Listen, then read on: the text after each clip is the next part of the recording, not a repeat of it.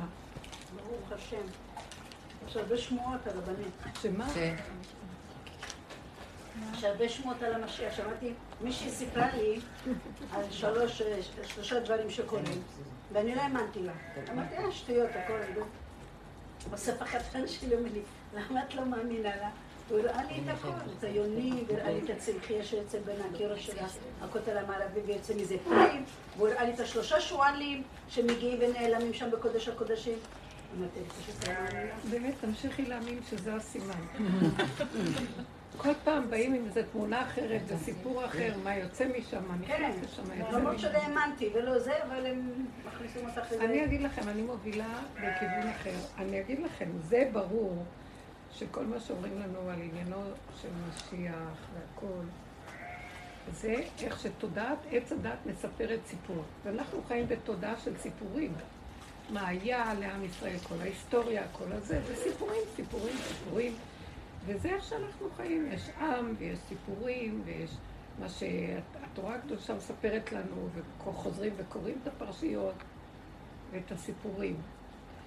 והסיפורים של התורה הם אמיתיים, הם קרו לפני הרבה זמן, גם ההיסטוריה של כל מה שהיה פה בארץ ישראל וכל ההתנחלות וההתיישבות פה ואחר כך החורבנות, זה בנביאים, בכתובים, וזה הכל כתוב, וחוזרים על זה וחוזרים על זה, וחוזרים על זה. זה תודעת עץ הדת.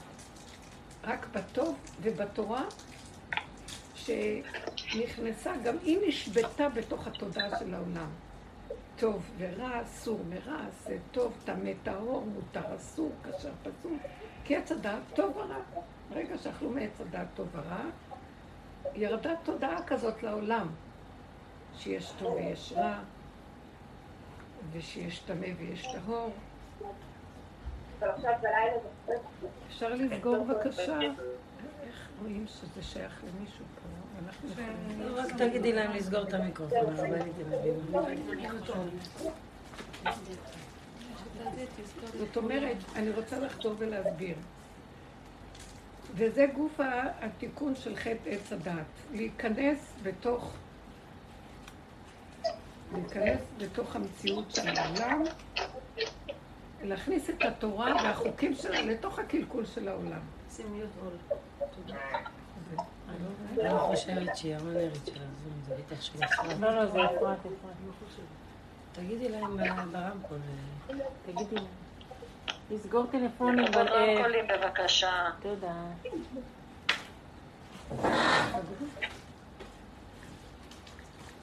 את יכולה לראות מי מדבר. את יודעת אפשר.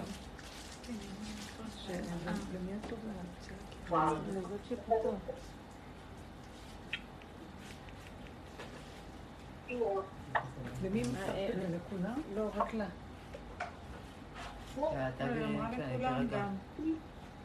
תכף אני אגיד. תשאירי. לכבות רמקולים.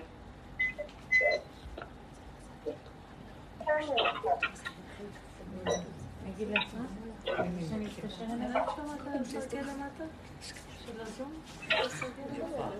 נדלג על זה. תתרכזו. אז עכשיו, כן צריך להאמין לסיפורים, כי התיקון נמצא בתוך המוח, הוא מתקלקל, אז אנחנו לא יכולים לצאת ממנו. קודם כל לא יודעים שזה מקולקל, חושבים שהעולם הוא טוב ורע. ככה אנחנו רואים את השקפת העולם.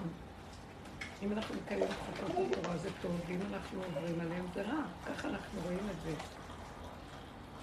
באמת? אז מה עושים?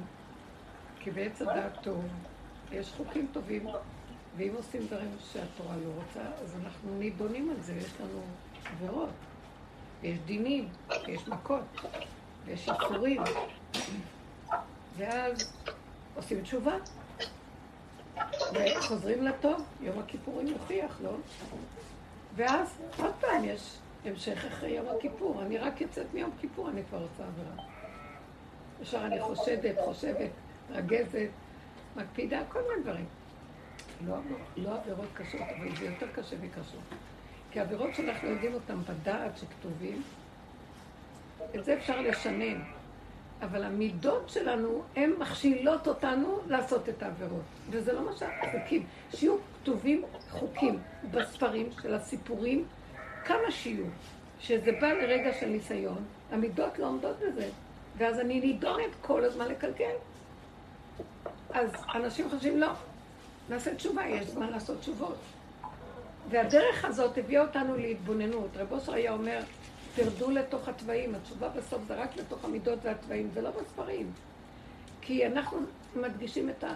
בוא נשנם, בוא נלמד, בוא נדע, כדי שלא נחטא. כולם, מדן ועד באר שבע, כל תינוק ותינוקת יודעים היום תורה וחוקים ומשפטים.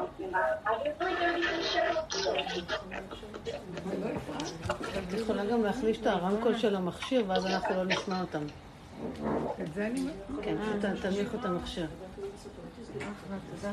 פה צריך להיות, לא? לא, לא, אבל הם שומעים אותנו. הם שומעים אותך, אבל אנחנו לא שומעים אותם. וזה מפריע לאחרים, אבל לא לנו. כן, בדיוק, בדיוק. שיטה מצוינת. ככה זה צריך להיות. אז בסופו של דבר, התוכנית לא, היא לא שורשית. כי באמת באמת, תקשיבו לי, מתי זה טוב וזה רע? ברגע שהם אכלו מעץ הדת. הם היו בגן עדן, ולא היה טוב ורע, הם היו ערומים ולא התבששו. אז לא היה רע, זה אפילו לא תרום. לא, לא היה להם את כל החוקים שיש לנו. הבריאה הייתה מושלמת, ולא היה להם, אה, לא היה קלקול. איך שהם, כמו תינוק, היית יכולה להגיד לו, אתה מקלקל? לא יודע מה עושה, לא הייתה את הדעת של עץ הדעת. אבל היה להם חוכמה גדולה, והחוכמה שהם ראו, כתוב על השכל של אדם הראשון, שהוא היה רואה מקצה העולם ועד קצהו. העקב שלו היה מגהה את הגלגל של החמה, מראש הוא היה גאון שהשמש הייתה כהה לידו. אז הוא היה חכם גדול מאוד, אבל הוא לא דאג מעבירות ולא שום דבר. אבל גם בבריאה היה הדואליות, היה שמש וירח, יום ולילה, היה אור וחושך, היו שמיים וארץ. אז זה לא שיש שני דברים זה טוב ורע, זה לא מחייב. גם איש ואישה לא מחייב שיהיה טוב ורע. ברגע שאכלו מעץ הדת, השמיים יותר טובים מהארץ. והאיש יותר, אה, יותר שכלי מהאישה, אישה תפוקה. זה נכון, אני לא באתי להגיד שלא. יותר רגשי.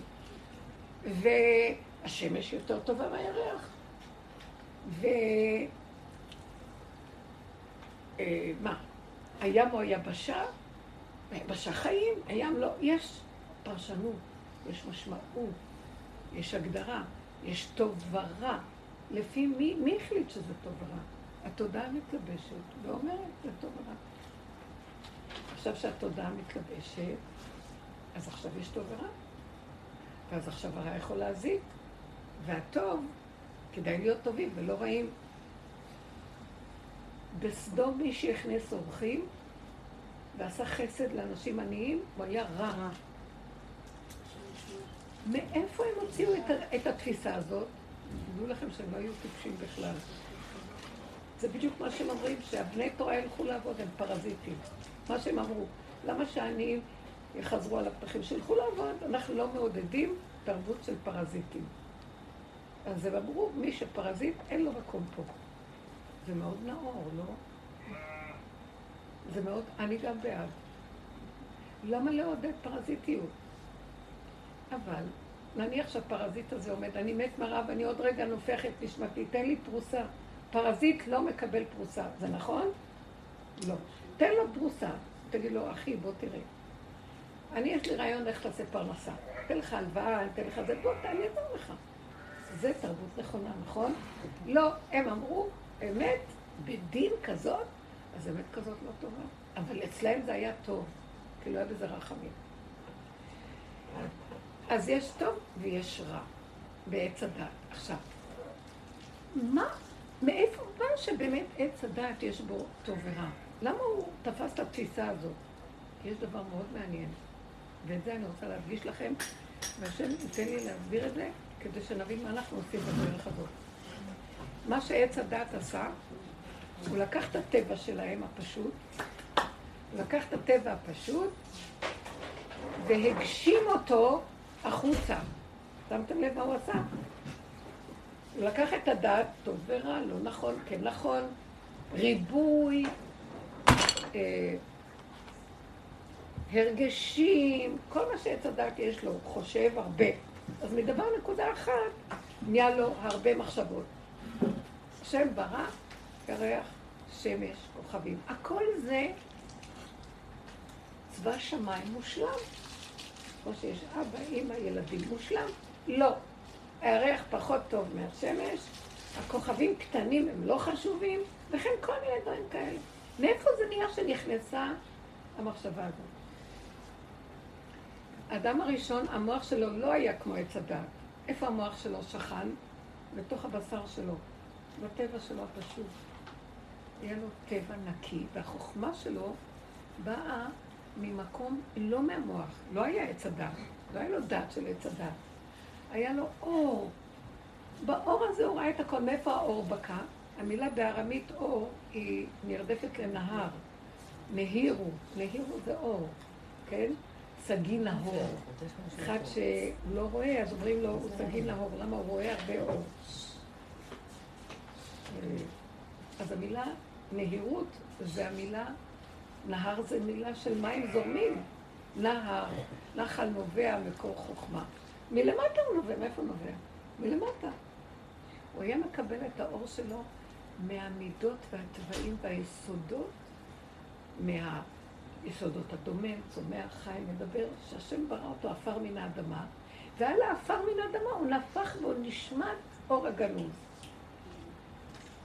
בא עץ הדעת, אכלו ממנו, סילק את האור הגנוז ואמר, אני יודע, בוא נהיה כמו אלוקים, יודעים, יודעי טוב ורע. הוא מדמיין מה אלוקים יודעים, אז הוא אומר, טוב ורע. הוא התחיל להכניס פרשנות, הוא לקח את הדת והכניס אותה לתוואים. תינוק, יש לו טבע של אש, היית אומרת עליו זה רע. תינוק, יש לו טבע של מים, היית אומרת זה טוב? לא, זה טבע. אבל עץ הדעת הגשים את הטבע החוצה. כי הדת יושבת פה, בחוץ, בהשקפה, במוח, והתוואים בפנים. התוואים זה החיות של האדם מבפנים, כמו לב. הלב הוא פנימי, הוא יסוד התוואים והמידות. והמוח מדבר, מדבר, מרחף, אוויר, אוויר, אוויר, אוויר. אז הוא הגשים את, הוא לקח את התוואים, הוא בעצמו אין לו כוח. הוא דמיון, הוא אוויר, דעת. הוא התלבש על המידות. מה זה המידות? גן חיות. על הכבשה, על העז, על הסוס, על הנמר, על האריה. באדם יש גן חיות. חיות היו נקיות לפני חטא עץ הם לא טרפו. הם אכלו תבן קש, הם אכלו עשבים. גם האדם לא אכל. אכלו, הכל היה נקי. ברגע שאכלו מעץ הדעת, עץ הדעת זה השקפת הדעת. אני יודע, אני בדמיון שאני יודע, ואז הוא תופס את הטבע של האדם, מתעלק עליו, והדעת של עץ הדעת, מאחר והיא אוויר, אז היא מתרבה. יש הרבה מקום, הרבה חלל. הטבע הוא מאוד פשוט, יסוד זה יסוד. הוא מצומצם, אז הוא מוגדר. טבע, המוח, אין לו הגדרה. תראו כמה ספרים, הרבה דעת ונכתבים בספרים והבנות והשגות ופרשנויות ומשמעויות וסיפורים וספרים וספריות. והטבע הוא טבע. הוא לקח את הטבע הפשוט, שזה היסוד הפשוט, והלביש, הוא החצין אותו. הוא אמר לטבע, אתה עושה ככה, זה רע, אתה כועס, זה רע. אבל התינוק לא כעס, הוא פשוט הרגיזו אותו, אז הוא לא יכול היה לסבול שדורכים לו על המשבצת היחידה שיש לו. והוא אמר, לא, אני לא יכול לסבול. אז הוא אמר לו, לא. התחיל לסחוב אותו החוצה, והתחיל, שמתם לב מה קרה פה? לסכסך אותו עם השני, שלישי, רביעי, חמישי. התחיל להשפריץ. מה הוא כמו, כמו המחלה. תא ראשוני. מה התא הראשוני? עכשיו, תא מוציא אותו טיפה החוצה, מתחיל להתרבות, להתרבות, להתרבות, להתרבות, מחלה. גומר על האדם. וכל התרבות התחילה להתפזר, טוב ורע. והתורה ירדה לעולם ואמרה, בוא נעשה סדר, מה טוב, מה רע. מה באמת טוב, מה רע. סדום אמרו שזה טוב. התורה אומרת, לא, זה לא טוב, אבל יש טוב יותר טוב. אז גם התורה היא גבשה בטוב ורע. כי אין ברירה, היא נפלה לתוך המציאות פה. הלוחות הראשונים שהגיעו לא היו כאלה, הם היו מורמות, אור אלוקי. כולם ראו שיש השם, אף אחד לא רצה לחטוא. במילה ששמעו אנוכי השם והרגישו מהבשר שלהם אור, הכל, כאילו ירד להם הסימון, אין עוד בלבדו, מה צריך בכלל שתיתן לנו ציווי? ברור לנו שזה הכל, מה שתרצה עושים, מה, עשה ונשמע. האור הזה הלך, חושך, המוח משגע, אז התורה צריכה להגיד, בואו ניתן לכם מוח שהוא יותר ידריך אתכם. זה נכון, זה לא נכון, זה מותר, זה אסור, זה קשור, זה פסול, זה מה שהתורה רוצה לנו. אבל גם התורה בזה. ואז עכשיו באה התורה ואומרת, זה מותר, זה אסור. באים מפרשים של התורה ואומרים, רגע, בואו נתווכח, מי אמר שזה לא? יש להם כללים בפסיקה, ואז יש הרבה פסקים, ויש הרבה הבנות. הכל לפי הכללים של הפסיקה. הלכה למשה מסיני. הם, זה לא סתם שכל אחד יבוא, זה כמו להבדיל אלפי הבדלות במדע. מדענים, שהם אומרים איזה תיאוריה, אז יש להם כללים איך לעבוד עם התיאוריה. הם לא יכולים סתם להפריך את התיאוריה. תביא, תביא לי סיבה מאיפה אתה מגיע לזה שאתה מפריך. להבדיל אלפי הבדלות בתורה אותו דבר. שחכם אומר כך, שאני אומר לו, תביא סיבה, מאיפה אתה מביא? אז יש את ג' מידות שהתורה נקנית בהן, לכן אה, כלל, פרט שיצא מן הכלל והכלל שיצא מן הפרט, וזה שסותר את זה, ואז יבוא השלישי ואחרי הביניהם, יש להם כללים איך לומדים. ואז הוא מתחיל לתרץ את כל הכללים. הוא אומר, עברתי על זה, עברתי על זה, עברתי על זה, וראיתי שזה עומד במה שאני ראיתי. אז מישהו פתאום הביא לו כלל אחר שהוא לא שם לב, הוא הפריך לו את כל הסוגיה. אז הם כל הזמן מתווכחים מה נכון, מה לא. עכשיו, אז יש הרבה פסקים גם של אותו דבר. הגמרא מלאה פסקים, ולא יודעים, יש בה הפוך בה והפוך בה בה. הרמב"ם ניסה לקבץ את הפסקים, מה שהוא ראה שאפשר להוציא, כדי שיהיה משנה ברורה, מה שנקרא, שיהיה מסודר ושידעו מה לעשות, אבל חלקו עליו, עליו גם כן, למה אתה לוקח דווקא את אל ויש דברים שסותרים לזה, או דברים כאלה. אבל הוא מתקבל על כלל ישראל, ויש כאלה גם שהיו בדורו ואחריו, שהם פוסקים אחרת, בסדר, אני לא אומרת, אבל יש שימו לב, אני רוצה להגדיר. בית המקדש ישב לשכת הגזית, הסנהדרין, שהיו בית דין של 71 חכמים הכי גדולים בישראל. הם חיזרו בכל העיירות איך לקחת את כל הדיינים, את החכמים הכי גדולים, ועשו בית דין של 71 החכמים הכי גדולים. הם ישבו בהר הבית, ליד, במקדש, אבל לא בתוך העזרה, אבל מחוץ לזה קצת. והם פסקו את הפסיקה האחרונה. שום אין שום בית דין שיכול לערער על הפסיקה של הסנהדרין. יש בתי דינים קודמים, אבל את הדברים שצריכים באמת מביאים אליהם, אם הם גזרו, הפסק עליהם. למה שם אין ויכוחים וכל הדברים? כי הם ישבו ליד בית המקדש. למה? כי בית המקדש, כשהם ישבו שם, בעזרה הקריבו כל הזמן קורבנות.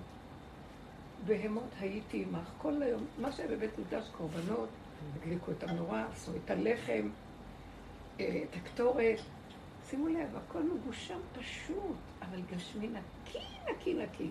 מההשראה של האור האלוקי שירד מהפעולות הפשוטות, לא היה בבית המקדש ספר אחד, לא היה ספר. בלשכת הגזית היו ספרים. אז כשירד שם האור הזה, לשכת הגזית קיבלה מוח חד, מדויק, מהאמת הפשוטה שסילקו משם את עץ הדת. לא היה בחשיבה של עץ הדת. אז התורה נהירה, בהירה, והם התחברו מהתורה שירדה לעץ הדת, לתורה של הלוחות הראשונים, והיה להם ברור ופשוט. ואם הם פסקו, אין עוררין. גם אם היה שם איזה בעיה, אז פסקו רוב, מול, המעט מול הרוב. אבל בכל אופן משם יצא לא בסדר? אז מה שאני רוצה לומר הוא שאנחנו בגלות מתמשכת, שממנה כל החורבנות וכל הבעיות. גם אם יבנו בית מקדש חדש, גם אם יבנו בית מקדש, אז... זה איתא לשונרא. חיות, תשובה. ואז מהמקום הזה, שאנחנו הולכים בעץ הדת, יכול עוד פעם לפרש. כי יהיו מריבות, כי יהיו ויכוחים, כי יהיו דעה כזאת, דעה כזאת, יהיה שמאל ויהיה ימין. יהיה זה נגד זה וזה בעד זה. ואז כל אחד יקום ולפ... כל מאן דאלים כבר, אם יהיה להם כוח להשתלט על המדינה, אז יוציאו פסקים של ככה להם. גם התורה להבדיל אלפי הבדלות לא כזאת, אבל הכל מבולבל.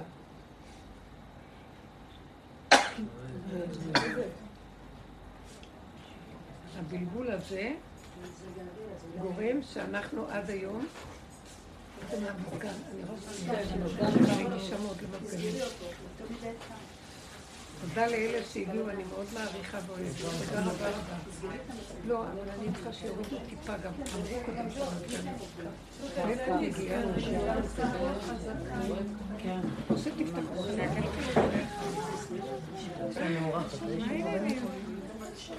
מלב הגיע. אבל אם אני חצאית, חצה צלמו אותה. קיצור. אצל הרב עמוס יש גבול. הגעת, איזה מדהימה. כי יש עוד מסגרת. יש מסגרת. חיפשתי לך ואני אעשה.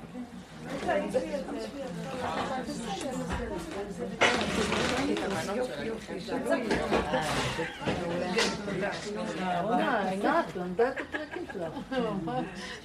זהו, עכשיו זה טוב, את זה תשאיר לי. זאת אומרת, בואו נחזור לרגש. זאת אומרת, אנחנו ערב תשעה באב, והחורבן הזה נובע כתוצאה מעץ הדת. אמרתי את זה כבר בשיעור הקודם, וכתבתי על זה גם בעלונים של שבת. חורבן של בית המקדש לא התחיל מחורבן בית ראשון שלי. החורבן הזה התחיל ברגע שאכלנו מעץ הדת, כי ממנו כל החורבנות, ולו יצויר שירצו לבנות את זה בתודעה הקיימת, עוד פעם יחרב. מה, מה כל כך? מי אמר שלא? זאת אומרת, המקדש מחכה לשינוי תודעה אצלנו. מה שינוי התודעה? אין. למה שישנו? בתודעה של כדור הארץ לא יודעים שום דבר חוץ מטוב ורע. גם אם נגיד להם קו האמצע זה איזון, ברגע הוא נעלם. קו האמצע זה הווה של רגע נעלם, שזה ההווה. אבל אנשים, בטבעם הפשוט, או הולכים על הימין, או הולכים על השמאל. מה הדרך הזאת עושה לנו? היא מתחילה לזהות שהימין והשמאל מזעזעים. לא, יותר טוב הימין, כי באיזשהו מקום בימין מתלבש הטוב, שאפשר לחיות איתו בעולם יותר, יותר טוב מהשלילה של הנאורות שהיא מתעופפת באוויר אבל אין לה בסיס. לפחות הימין יש משתמש בתורה ובזה של התורה והחוקים. יש בסיס למה אני גר בארץ ישראל. למה לא הלכתי לגור באוגנדה? יכלו לתת לנו את אוגנדה באותה מידה. הרצל רצה שנלך לאוגנדה. אבל התעקשו בסוף, שזה ארץ ישראל והכל חוזרים לפה. אז למה חוזרים לפה? למעשה כשחזרנו לפה, אה, הכנענים לא היו כאן קודם, שבע עמי כנען היו כאן. לא פייר שבא השם, שירש את כולם, נתן לנו את זה. מה אנחנו אשמים שהבטחת לעם שלך, זה יפה? יבוא אלוקים לקחת לו גוי מקרב גוי?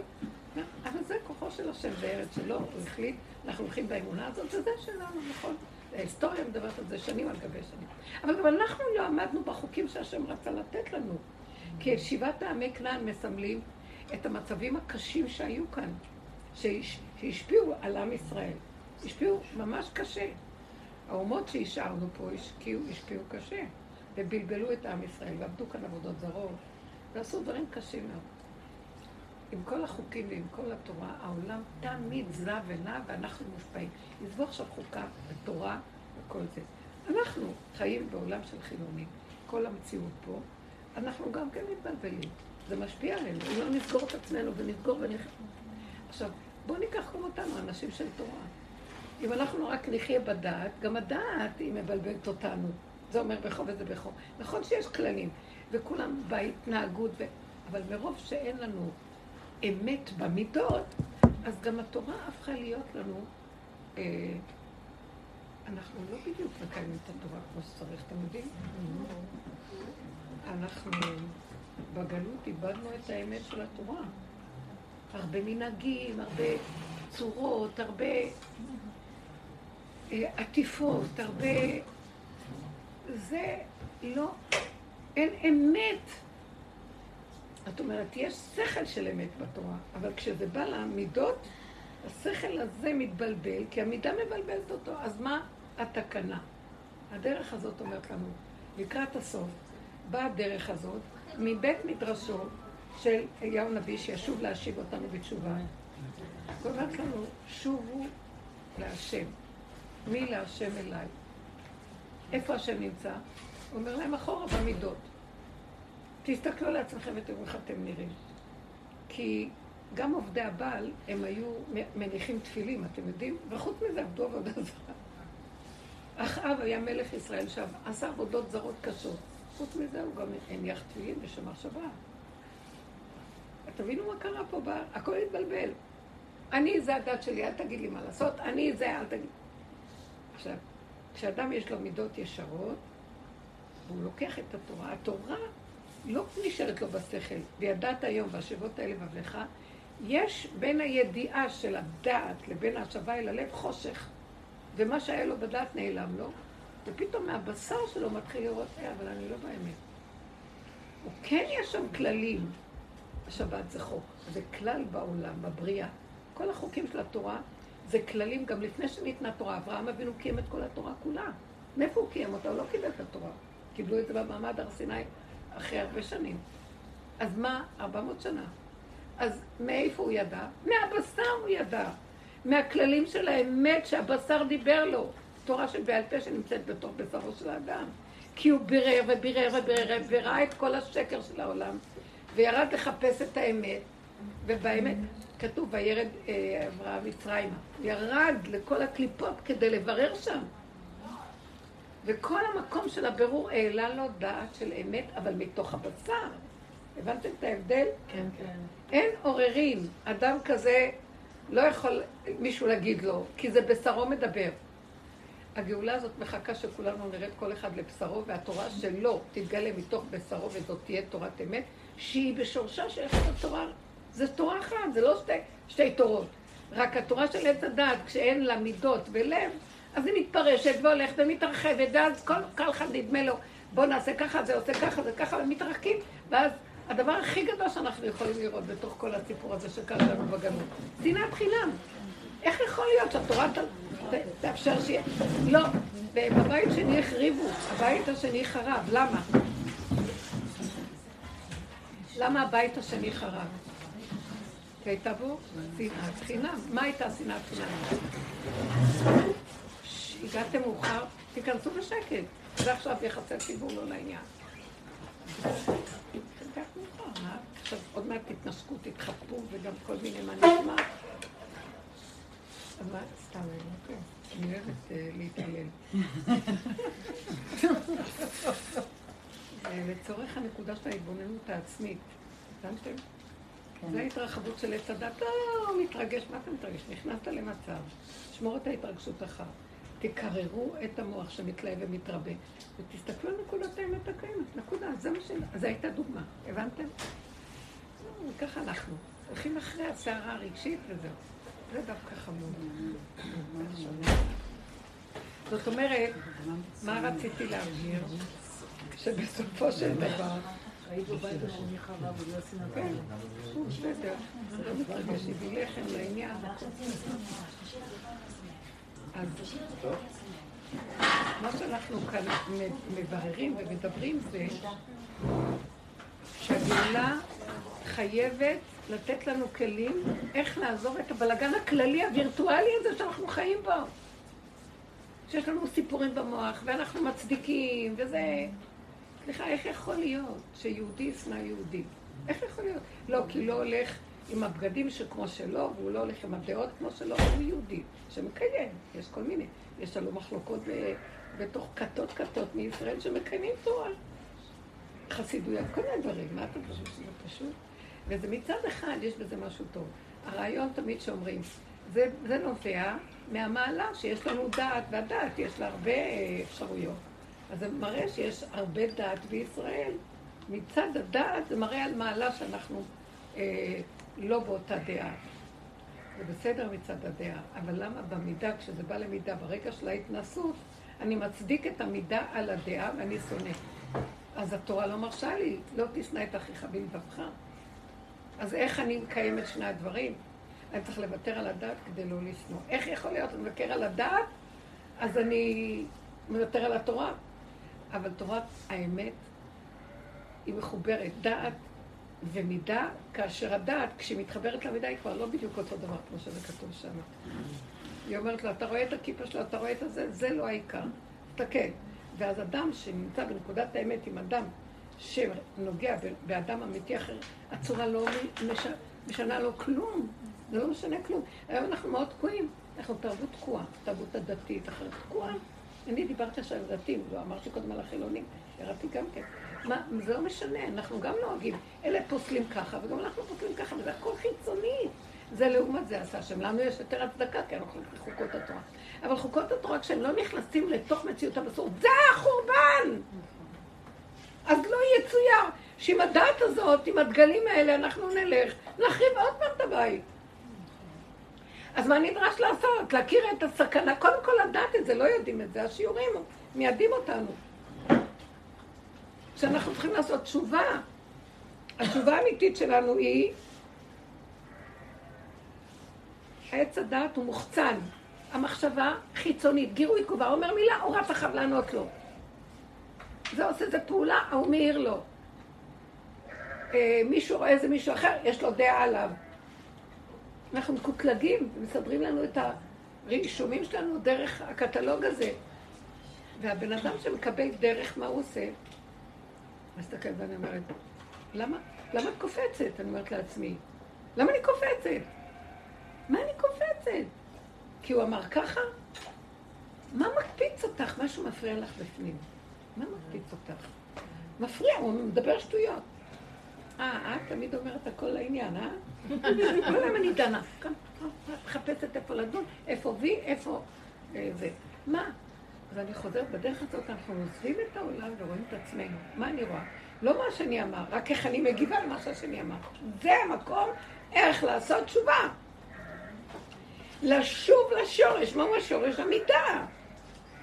השם ברא את האדם עפר מן האדמה. ועליו אחר כך הוא נפח את האור האלוקי. בא עץ הדעת, חתך את האור האלוקי ונהיה דעת. אז האדם מאמין לדעת הזאת, וצריכים לסלק את הדעת הזאת ולהחזיר את האור האלוקי. אבל האור האלוקי שוכן על הגולם הזה, עפר מן האדמה, אז צריך לחזור להיות עפר מן האדמה. שמעתם? איך תגיד את זה לאנשים משכילים ועפר מן האדמה? אין בניית בית מקדש ואין גאולה עד שלא נרגיש את העפר. פעם הייתה לי חוויה שאני הרגשתי איך המת מרגיש באדמה. איך התולעים רופשים עליו.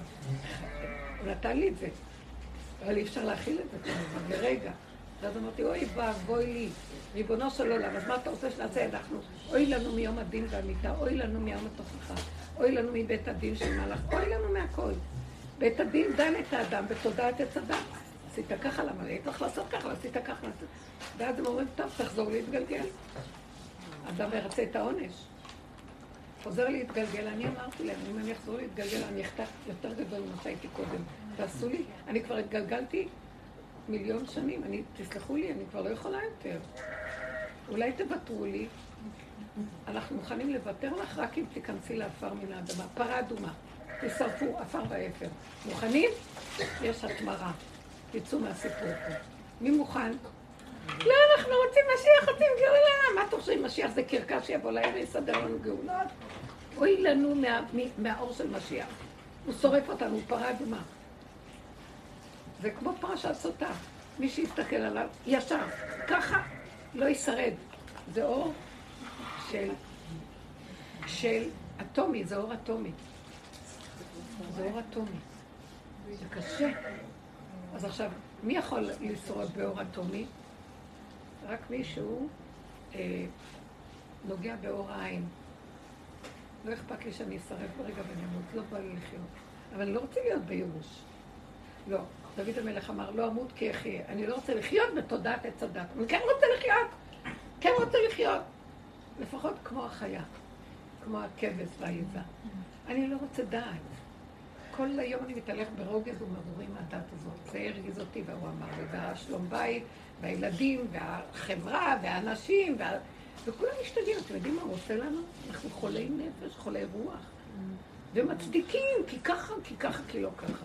אנחנו חיים על חירות האדם.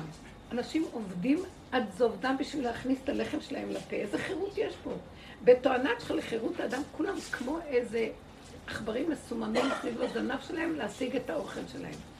והמחירים עולים, וכל הזמן להשיג שלא תהיה אינפלציה, טק, טק, טק, טק, ואנשים רצים כדי שלא תהיה אינפלציה. למה שאני ארוץ אחרי הדבר הזה? לא רוצה כלום. אני רוצה להיות כמו בן אדם שאין לו מדינה. חי עם הרגע של הבהמה שלי, בלי מדינה ובלי ממשלה ובלי שלטון ובלי כלום. אין לכם יותר טוב מזה. על זה, מתוך הנקיות הפנימית, גן עדן של ילדים. משם יש מתיקות. ואז משם מתגלה אור אלוקי, ונותן כל טוב ושפע. ולא חסר דבר, ועד אליו בכבוד. מלכות. למה אנחנו לחיות ככה? אבל זה תודעת עץ הדת. והגיעו כבר לרמה כזאת שתודעת עץ הדת היא נאורה מאוד, והיא משכלת, היא מלומדת, כי כל המטרה שלה, עוד מעט נגיע, עוד מעט נגיע, עוד מעט נגיע, כבר עפו לחלל ולכל אה, הגלקסיות, ועוד מעט נגיע, כן? ומה נגיע? לנאורות מאוד גדולה. אנחנו משועבדים כמו מוות בתוך הנאורות הגדולה הזאת. אז למה הגענו? כאשר אה, אליהו הנביא צועק, תשובו, תשובו, לכו אחורה, אחורה. תהיו ילדים קטנים בגן עדן של השם. לא, אבל החלל מאוד מעניין. מה מעניין? מה הגילו בחלל? בחלל, משעמם. מה? חור שחור, מה גילו? בסדר, לא אכפת לי. אני חושבת, אני אומרת לו, השם, אני אומרת לך, ריבונו של עולם, כשאדם נכנס לתוך הניקיון של היחידה שלו, הגולמית הפשוטה, כמו ילד קטן, יד נעלמה מטיילת איתו בכל החלל, מראה לו את כל החוכמות של העולם, בלי כל הפחד והאימה והחרדה, ולהיכנס למכונות האלה ולהתנתק, ללכת לשם, ולך תדע אם תחזור. בדרך כלל לא חוזרים. או שחוזרים מטומטמים, או שחוזרים שקרה להם לא. אז מה, מה השגנו? אנחנו יכולים לשבת פה, חכמי ישראל, בדורות הקדמונים, הם ידעו את כל החוכמות שלהם מגלים. מאיפה? לא היה להם מכונות ולא היה להם כלום. מתוכם הם ידעו את הכל, רק זה לא היה מגושם. היום עץ הדת מתגשם ומתגשם, מתגשם, שכל מחשבה שיש ישר מכונה, מכונה. אנחנו שבויים במכונות אשר אנחנו בני אדם. כיף לקחת את הכביסה לנהר וקצת לעשות ככה נחמד, שותים קפה, מדברים. לא צריך להיות מאוד גם. במקום הילדים הקטנים זה יום כביסה, והאימא עושה להם אה, סיר של שועית, פסוליה. זה מה שאוכלים ביום כביסה. זה ככה טוב. בסדר, גם לא, אני לא רוצה שנחזור למצבים של המצוקות. אז אה, עץ הדעת, בצורה שלו, איך לגאול אותנו, זה לתת לנו עוד הטבות אה, שמס הכנסה ייתן קצת פחות אה, מיסים, וביטוח לאומי יגדיל את ההכנסות.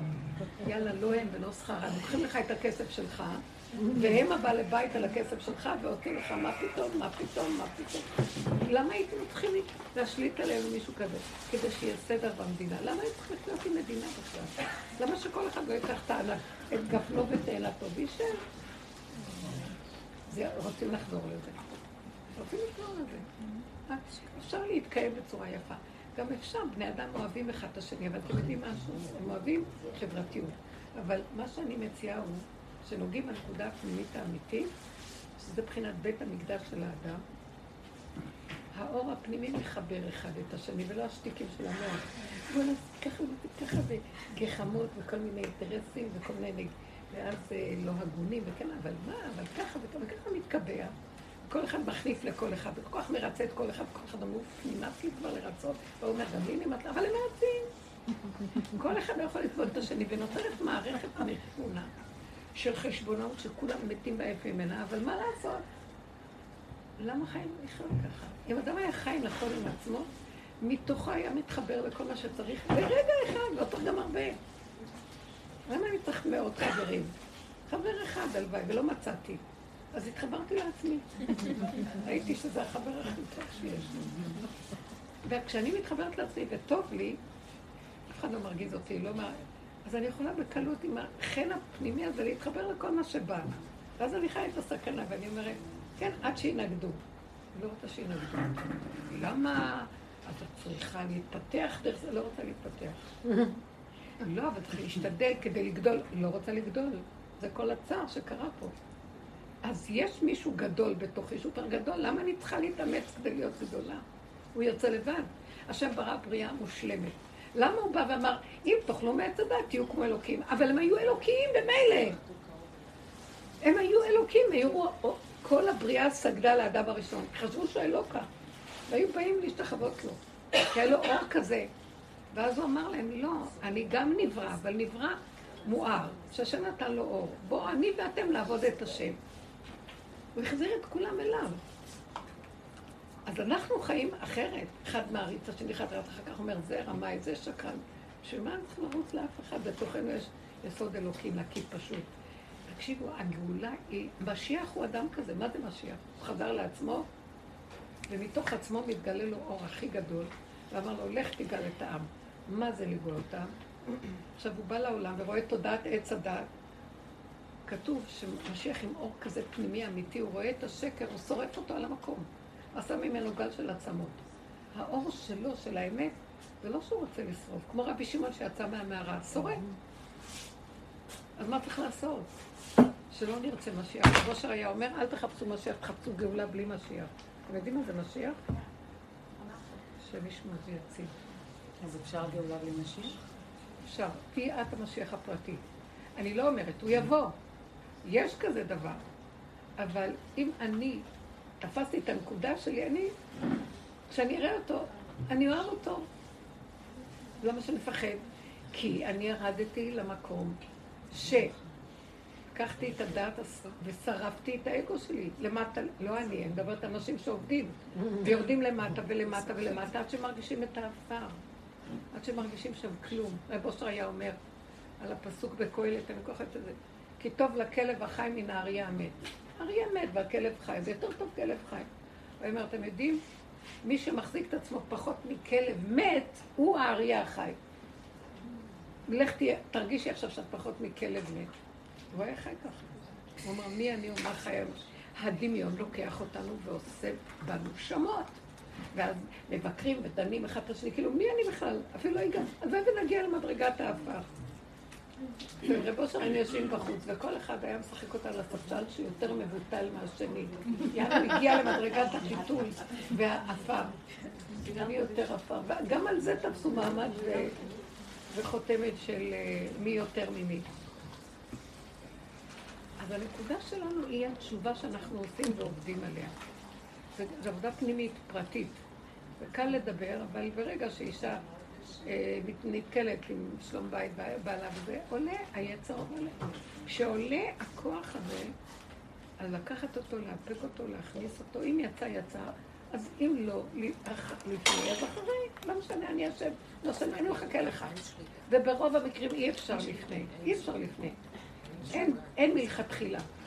יש בדיעבד, לא, כולנו מציאות של נפילה, אנחנו מדומיינים, אז איך לא ניפול? אז לא לרדת על עצמנו כשנפלנו, כי ככה זה וזהו. עכשיו תיתנו דוגמאות ונדבר. אני רוצה רק להגיד לכם, זה הפתיח למה אנחנו מחפשים בגאולה. לא מחפש יותר גאולה. כל דבר שיש לו רעיונות וקבוצות נוהרות, זה עם הדגל הזה, זה עם זה, זה לא האמת. זה לא האמת, אני לא מוצאת שם את האמת.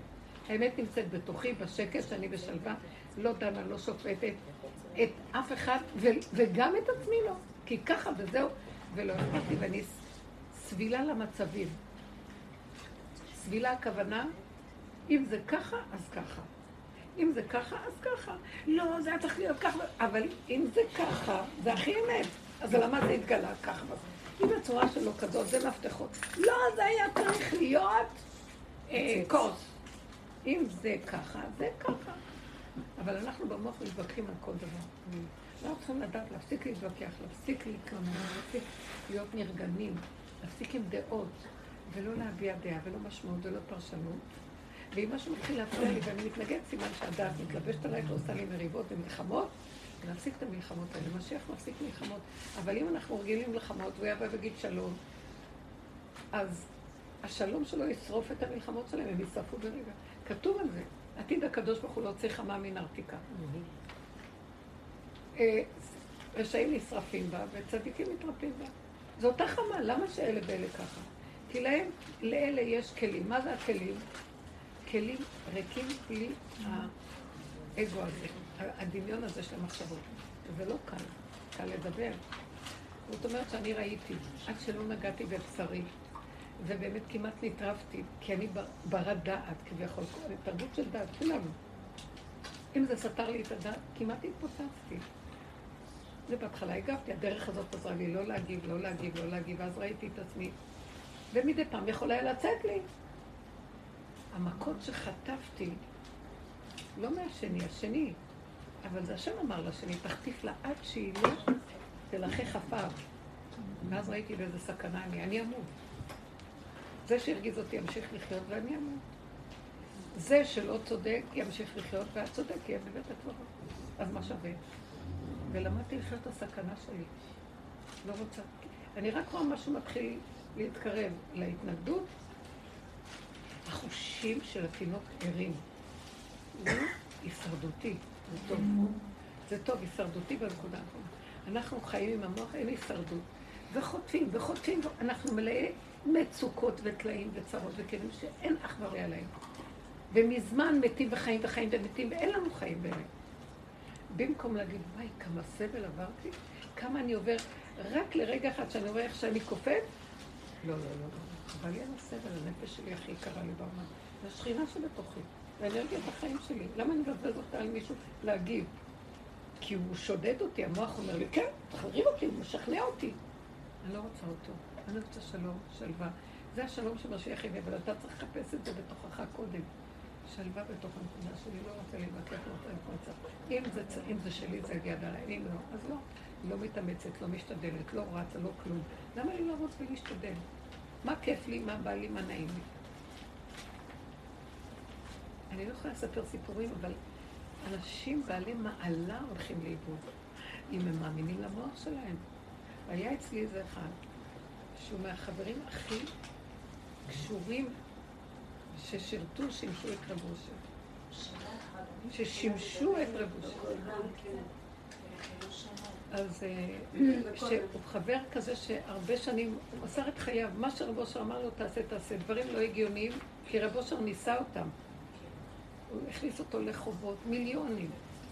גרוש לא היה לו, אבל הוא אמר, מה שרב אושר אומר, אני מתאבד עליו, הוא אדם, הוא הלך מניסיונות שאמרו עליו אחר כך שהוא אחד ממה שהכריזו אחר כך משיח.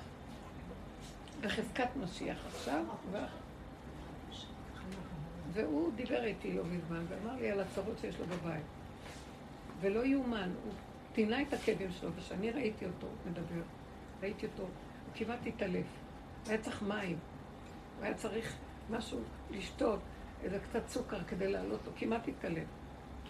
אז אני אמרתי, תפסיק, תפסיק, תפסיק, תפסיק. תראה מה קורה לך, שווה לך?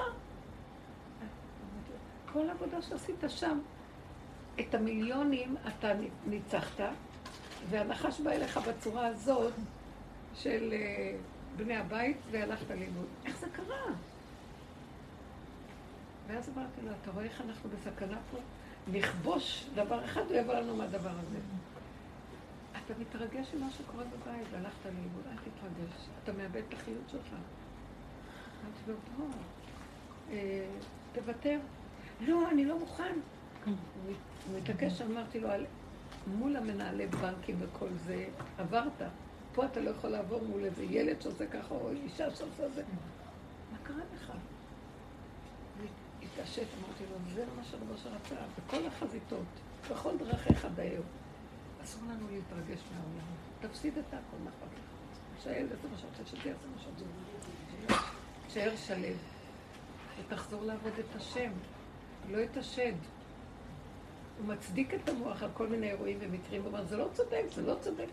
נמות על זה. אני אתן דוגמאות קטנות, ואני הייתי המומה מכזה אדם בשניות. בשניות. יכול להיות אור גדול, ובשניות האור הזה מתלכלך. אנחנו סכנת מוות פה. וואי, איזה כאבים היה לי עליו. אתם צריכים לראות איזה פנים של צדיק. לא יכולה לראות, אתה לא יכולה. אמרתי לו, ואני בשנייה אחת בדיוק כמוך, אבל המכות ואני כבר לא מכילה אפילו, לא יודעת מה, טיפה שאני מריחה מצוקה או מה שאני אומרת, לא בשבילי, לא אכפת לי, לא אכפת לי, לא אכפת לי. מה, לא אכפת לך? את לא נאבקת? את לא... לא נאבקת. זה עולמו של השם, הוא רוצה שנריב כל היום. וכל היום תככים ומזימות ומלחמות, וזה נגד הזה יותר צודק. לא רוצה להיות צודקת, לא רוצה לנצח, לא רוצה לשלוט, לא רוצה כלום, רוצה למשול, לחיות טוב, ולהגיד תודה רבה. רש ועושר, אל תיתן לי, אטריפני לחם חוקי. שרגע, רגע, יהיה לי חיים שאני יכול להגיד לך, איזה חיים נהדרים ברק. אז הוא נתן לי חיים נהדרים ביחידה, וכשאת מוציאה את הראש החוצה, רגע, טורפים אותך, הילדים, בני הבית, אויבי איש אנשי ביתו, בחוץ. אז אם ככה, תיכנסו פנימה. הם אנשי ביתי, אז מה, אני לא אענה להם, לא אגיב להם? אני אומרת מילה, אבל בלי רגש. נטול קופאין. הלצהיימר גם טוב, הכל בסדר, רק שלא נריב. מה אכפת לך? והמקום הזה, אתם יודעים כמה נשים באות ומדברות איתי על הכאבים שלהם, על הכל. ואני ישר מזהה ואני אומרת, אכפת לך יותר מדי. לא, אבל זה בא לי, מה לא אכפת לי? כן. אה, אז בגלל שהוא בא לך, אז אה, את מצדיקה שמותר לך למות? איפה זה כתוב? או על הילדים? לא. אין. זה המערכת, וזה המבנה. בתוך המבנה, תהיי מחוברת עם עצמך. וזו שפה שלא מבינים אותה. בייחוד שאני מדברת עם אנשים החרדיות וזה לא האישה צריכה להתמסר לבעלה ואמרתי לה, תתמסרי. לא יהיה מה למסור אחר כך. אחד ירוג את השני. זה היום כבר אין סובלנות של פעם, מה שהיה. היום יש נקודה שאנחנו חייבים לחזור לעצמנו ולהכיר, להתחבר עם השכינה הפרטית שבתוכי. עשר כאלה יקימו את השכינה בחוץ, וכולם פתאום יכירו, וואו, איך אנחנו טועים. מהאחד הזה, מהאחד הזה, מהאחד הזה, מהאחד הזה, יגיע לעולם אור אחר. בואו תקומו, בואו נעבוד. למה לא לסבול את כל הסבל הזה? אני אגיד לכם, גם תשעה באב וכל ה...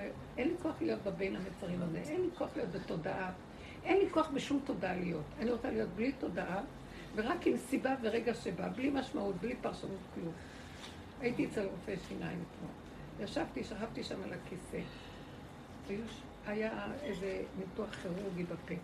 ואז באו חמישה אנשי צוות ומקצועיים. ואז אני אמרתי לעצמי, אימא'לה, רגע, הוא התחיל לשים, אה, המרדים שם זריקות. ואחרי זה ראיתי את כולם באים ואמרתי, וואו, אני הולכת, פה אני לא חוזרת. רגע, לא כתבתי את הצבא, חכו רגע, תגידו. אז אני אמסור לכם בעל פה, את הכסף שלי לא נותנים לבעלי. רק לזה, זה גם, הוא הרגיז אותי אולי לקבל. רק תגידו להם. לצחוק עליי. צחקתי כמובן, אמרתי לו, אמרתי להם, תקשיבו, אה, אה, אז אמרתי להם, אז ככה אמרתי לפני כן, תקשיבו, אני לא עומדת במקום הזה. אם הדעת שלי עכשיו פתוחה, אני לא אוכל לחיות. אתם יודעים מה? לי יש דרך, אמרתי להם, ערב אושר, אמרתי להם, אני בדרך של אושר, ואני הבת שלו, ככה אמרתי להם, אה, כן, וואו. ואז אמרתי להם, תראו, אני מהרגע הזה סוגרת את המוח. מה שאתם רוצים תעשו בי. אם יש אלוקים, הוא יחזיר אותי לחיים. אם אין, שלום על ישראל, אני לא דואגת, אכפת לי, לא כלום, כלום, כלום, כלום. עכשיו תקשיבו, זה קביחות, זה זעזועים, זה ניסורים, אני לא יודעת מה. ואני אמרתי, לא שלי, מה שהחזיק אותי זה נכנסתי לבהמה שלי. בבשר ודם בהמות, צללתי לבהמה, והכיסא היה מאוד נוח, אני אוהבת את הכיסא שלהם. אין מיטות. אמרתי, טוב, תהני מהמיטה. ונכנסתי למקום הזה, הם עבדו, הוא אמר לי, עבדנו עליך שעה יותר ממה שחשבנו, וכל הכבוד לך, את לא, את לא, את לא היית פה. אמרתי לו, מה זה לי? לא ידעתי זמן, לא ידעתי שום דבר. שום דבר? לא, אתמול הוא מתקשר היום, אז הוא אומר לי, אה, לא לי, למי ש... אני לא עומדת מולם, יש לי שליחה שאני לא מול העולם, אני אחרת אהרוג את כולם. אז הוא אומר לה, אה, איך היא מרגישה, איך היא מרגישה, וזה נפוח, נכון אמרתי לה להגיד לו, שבוטוקס כזה עוד לא היה בעולם. כל החיים הוא מנסה לסדר את זה, וזה סידר את זה. הנפיחות סידרה את הכל, גמרנו. התחיל לצחוק. את לא רק לצחוק על העולם, רק לצחוק פשוט. שום דבר לא לקחת באמת, שום דבר. לצחוק וגמרנו. ואז אה, אני ראיתי, אי אפשר לעבור את החיים בין המצרים. אני אחשוב על בין המצרים, אני אומרת. פעם הייתי דואגת עוד מפסח על בין המצרים, וכבר היה לי חרדה ואימה ומה לא. ופעם, רק מאב, איך שנגמר תשעה באב, הייתי רועדת מהפחד של אלול. החיים שלי היו מלווים בפחד וחכו. מטבת, אפילו חנוכה, כבר פחדתי מפסח. כל השנה הלך עליי. וקראו לזה יראת שמיים, הבנתם? זה גיהנום. תחווי את הגיהנום, אכלת מעץ הדעת, תאכלי אותה. אמרתי, סוגרים את המוח, סוגרים, לא יודעים, אני לא יודעת הרגע, מהרגע לרגע לחיות את הרגע, את ההווה, לנשום, טיפת מצוקה, אני לא יכולה להכיל. חזרתי להיות תינוק. אני לא מדברת על עצמי, אני מדברת אליכם. כל רגע זה נאבק, ומתגלה שהחוצה, מה קרה לכם? צריכים מאוד להיזהר, לחיות בצמצום, מה היום? לא שמתי לב שהיא בהיריון, אז הם צחקו עליי, כי לא. היום הציעו לי שידוך, אמרתי, בלי ילדים.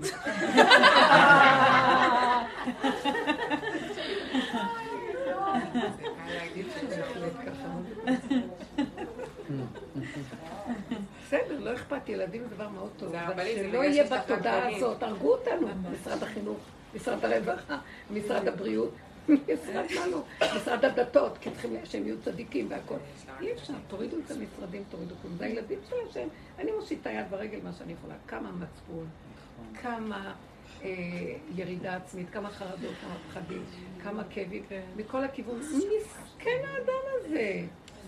מה רוצים מהעלובת נפש הזאת? אז נשים, אה, פעם היו בבית עם הילדים, אז הן עכשיו גם יוצאות לעבוד, מביאות פרנסה, ויש להן ביקורת מהבעל. למה את לא בבית? למה הילדים לא ככה? למה לא זה ככה? מה, דיברתי עם החברה יותר מדי זמן, ולמה לא... אז היא אומרת, "אז קצת רציתי לנפוש מה בין זה לזה, כל כך הרבה תפקידים. פשוט, מי? זה שיגעון גדלות עץ הדעת. גם וגם וגם וגם וגם וגם כדי למצות את מה? את הדמיון של עץ הדעת.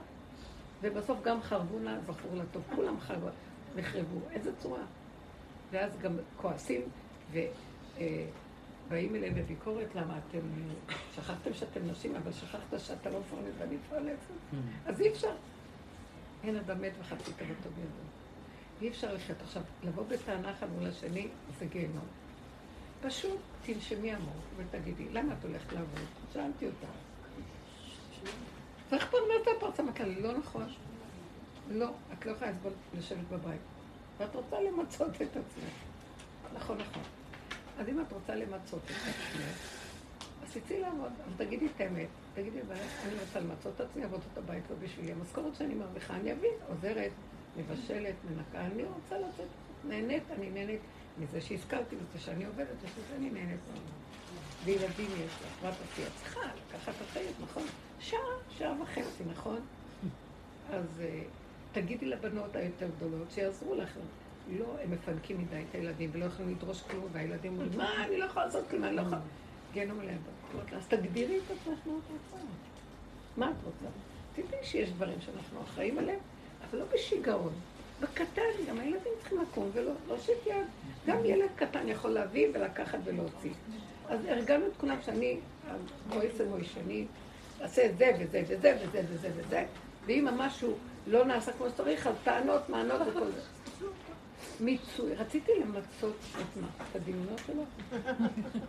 אני מבינה שאנחנו רוצות לעשות דברים, זה מאוד משמח שעושים, אבל גם לא להתמכר לכלום. איפה שאני רואה מצוקה, אני אומרת, רגע, רגע, תעשו חשבון. אני מביאה לכם את כל התנאים הטובים, אז תנו לי גם לחיות, תעשו אתם דברים גם, אי אפשר שתקבלו הכול. כי הבנות הגדולות אומרות, יש לנו מבחנים, אנחנו יכולים לעשות, אנחנו יכולים לעשות. אבל אתן מקבלות כל מה שיש פה. אז תיתנו משהו. זה צריך להיות מוגדר, כי יש רגשי אשמה לאימהות, ויורדים עליהם מפה. ו... בקיצור, אני מציירת את הגהנום בהתגלמותו, והתשובה היא לחזור אחורה ולהגיד, רגע, כרגע אני בראתי לי את הגיהנום שלא יכולה לצאת ממנו, בסדר? אז אני אומרת לכם דבר טוב, בדרך הזאת אומרת לנו, תתחפרו טוב טוב בגיהנום. כנסו פנימה, תתבוננו בו, ותגידו, אני מקבל, משלים, אבל לא רב עם שום דבר. ומה תעשה עכשיו? מה שהבשר שלי אומר אני אעשה, אני אלך לישון רבע, אני אוכל. אה, ישבה לידי, אותה אחת שדיברתי איתה, ובדיוק התקשרו מאיזה מקום, את מגיעה, את מגיעה, אז היא נהייתה לחוצה, ממש כולה. אני כבר לא יכולה להתרכז במה שאת אומרת, כי אני לחוצה. ואז אמרתי לה, למה, מה את צריכה? את צריכה להגיע לאיזה תור שקבעתי. אז אמרתי לה, את רוצה לקום וללכת עכשיו? לא, אני חייבת להישאר לשמוע אותך. אבל מה אני אעשה עם התור שקבעתי? אז אמרתי לה, תקשיבי, אם את בלחץ, לא אני ולא הם. את קודמת לכולם. לחץ לא בא בחשבון, שמעת? אז בואו נחשוב עכשיו ביחד. מה בא לך? מה נעים לך? לשבת לשמוע, נכון? ולהיות ביחד. שתינו קפה, היה כיף, דיברנו. מה מרגיז אותך שאת צריכה ללכת, נכון? פשוט תרימי טלפון, ותגידי להם, אפשר לאחר עוד חצי שעה? אז היא אמרה, אבל אני לא אסכים למה להתחיל. אמרתי לה, לא, את ככה מפחדת ואז את גורמת. תלכי כמו מלכה ותגידי, אני לא יכולה לבוא רק עוד חצי שעה. הם יקשו, אבל תגידי להם, אבל תקבלו אותי. תצווי, תגידי, תהיי מחוברת לנקודה שלך, תשדרי שזה הכי חשוב לך. הם גם יפתחו ויתנו. ככה זה עובד. אבל אני מטילה ספק, ואני מפחדת, ורוצה לרצות אותם, ואני מלחיצה את... למה אנחנו הפכנו להיות אה, סיר לחץ בשביל לרצות את זה ואת זה ואת כל המערכות, את הכל אנחנו נמות. אין הדעת סובלת את המזוכיסטיות הדבילית הזאת, שזה המוח הביקורתי של עץ הדת שרוצה שהבן אדם יהיה מושלם. איזה מושלם? מלאכי חפר, הלוואי והיה מלאכי חפר, הוא מת. מאבדים את הכל. ובשביל מה? תגידו, אתה משיג משהו? לרצות את העצים והאבנים, מי הם כולם בכלל? זה דמיונות. זה נקרא גלות. מה זה גאולה? להשתחרר מכל זה. ולא לברוח מהעולם, ולא מהבית ולא מהילדים, ולא מהמבנה, בעל אישה ילדים. אבל לברוח מהגחמות, מהפסיכולוגיה הדבילית שנכנסנו אליה. איך? תיכנסי לתוך עצמך ותתחילי לראות למה את לחוצה. למה את אה, מרצה? למה את מבוהלת? למה את בכאבים? טיפה של כאב, תגידי לא, אני לא מוכנה כאב. לא, אבל אני צריכה להספיק זה וזה, אז אל תספיקי כלום. אז תעשי דבר המינימלי הכי קטן שלא מלכי. וכל השאר שכולם יושיבו לידי יעשו. אנחנו לא מוכנות לעזוב את השקר הזה שאנחנו מתים עליו, ולא נסתווינו לזה, ולמות על קידוש השד. ככה רבו היה אומר. אז יש לנו תפקידים, אבל התפקיד צריך להיות ניזון מהמהות של הילד הקטן השמח, ולא מהמוח הדבילי שהעמיס עליו תפקידים, והוא רץ כל היום להיות כל יכול. וזה שקר, לא מהמוח. שמעתם? בואו נעשה תשובה. בואו נחזור לתוך הצבעים וליסודות שלנו. עד כאן דיברתי, זו הייתה הקדמה, ועכשיו אתם תגידו דוגמאות. איך חוזרים? זה נקרא בניין בית המקדש. אני בונה את המקדש מבפנים. זה נקרא משיח הפרט. זה נקרא תשובה אמיתית, ששם אני יכול להכיר איפה האמת. משם מתגלה השם. השם לא משכין את שכינתו על השקר. רק איפה שיש אמת. איפה האמת? האמת הראשונית שלי, שאני מודה בשקר שלי, קודם כל מזהה וזה שקר, אני, וזה אמת הכי קרובה שאני יכול להגיד. אני רואה כמה אני מלחיץ, כמה אני לחוצה, כמה אני מרצה, כמה אני שונאת, כמה... למה? כי השני לחיץ לי את הדמיון שלי, אז השם שלח אותו להראות לי איך אני נראית, למה אני כועסת עליו? תעזבי אותו. הוא מרגיז אותי, הוא לא הרגיז אותך, הוא הרגיז את הנקודה שהוא המראה שלך, לראות מה קורה לך בפנים, אז עזבי אותו, הוא יהיה מקל. מה את משברת לי את המקל? מה את מנקה את המראה? תסתכלי בנקודה שלך, ותגידי, אבל אשמים אנחנו. עכשיו אני אשמה, מה אני אעשה שאני אשמה? ומפעם, פעם חשבתי, אני אגיד, אני אשמה, ובוא נתקן, כמו יום הכיפורים. לא מתקנים כלום. ובסופו של דבר הגעתי ליום גם יום הכיפורים לא מתקן. אבל אתה במתנת חסד בחינם מכפר. למה? הוא מכפר, אתם יודעים שנכון כתוב, יורדים מג' מידות הרחמים, כי אדם מודה על כל הפגמים שלו. אבל אנחנו, הוא לא מכפר לנו כמו שצריך, למה? כי אנחנו אומרים, טוב, אני אעשה תשובה, ומעכשיו אני אהיה משהו אחר. אני צריכה להגיד ביום הכיפורים את כל הבידוי, ולהגיד לו, מחר אני עושה את אותו דבר, למרות שהיום אני לא ככה. אז תורידו ג' מידות רחמים, לא רק ביום כיפור, כל יום. כי אני אבוד פה. דברו איתו. ואז אם אני אבוד פה, אז אני חייב לחיות את הסכנה. מה לעשות? אני אגיד לכם, הליבה של עץ הדת זה ההתרגשות, ההתפעלות. לכן הנשים הן יותר אחוזות בעץ הדת מהגברים. כי הגברים, גם הם אחוזים, אבל הם, הם לא מתרגשים על כל דבר כמו הנשים. וכשהנוקבה תיגע בנקודה של העולם ייגאל, כי רק לה מחכים. לא להתרגש, לא להתפעל. גם אם התפעלתי והתרגשתי, תחזרו כאילו עוד פעם לא התפעלתי. ואל תחשבו, אבל כבר הלך עליי. לא הלך עליי. כל רגע מחדש והתבוננת על מקומו ואיננו, אין עולם, אין כלום. אני היום ילידיתיך, כל רגע חיים. מה יש לכם? קומו צאו מתוך אפלה. אם אנשים לא יתפסו את הנקודה הזאת, לא תהיה כאן בית מקדש שלו. הגברים יריבו כל היום, הם רוצים לנצח. וכוח, וכבוד, ושליטה. הם משהו במוחצנות. הנשים יורדות לתוך הבוץ של האפה, אומרות, לא הם ולא שכרם, ולא כבוד ולא כלום. תן לי שלווה, שקט, הנאה, פשטות, הכרת הטוב, הודאה. ילדים קטנים. זהו. כן. הנכד שלי היום בבוקר, הוא נכנס לשירותים. והמים לא ירדו. אז הוא החליט, יודעת לעשות איזה משהו. אז הוא פשוט הרים את המכסה של הניאגרה, הוא פשוט עקר את כל ה... מה ש... ממש עקר, במקום לתקן אז הוא עקר את הכל, ממש הוא הוציא את הכל. טוב, אז הוא, הוא יצא מהבית, אני שומעת נזילה של מים, מים, מים, ואני אומרת, איפה זה יכול להיות? אני נכנסת. למקלחת, ואני רואה שהמכסה לא יושב כמו שצריך, אני מזיזה אותו. כל הניאגרה כולה, כל, המנוף והכל מה שבפנים, הכל עקר את הכל מלמטה, והוא ניסה כנראה לסדר את זה וזה לא הצליח. ואני נכנסתי לעצבים, אמרתי עכשיו, לכי תזמין, צריכים לבוא לאורחים ביום שישי, ופשוט לא ידעתי איך למצוא את עצמי, התחלתי מה זה להתעצבן ולהתרגל, אני אחזיר אותו, אני משהו לא, אני אגיד משהו שאתה פה תיקח אותו, ואני רוצה לך אותו פה, כבר אין עצבים, והתחלתי את ידו ממש להיכנס ללחץ, וממש הייתי, ולרגע התיישבתי, ואני אמרתי, רגע, רגע, רינה, זה לא מתאים לך. להתעצבן בצורה כזאת. אז הרמתי את העיניים לקדוש ברוך אמרתי לו, אולי אז אתה סידרת לי את זה כדי ש... לראות איך אני אתנהג פה ב...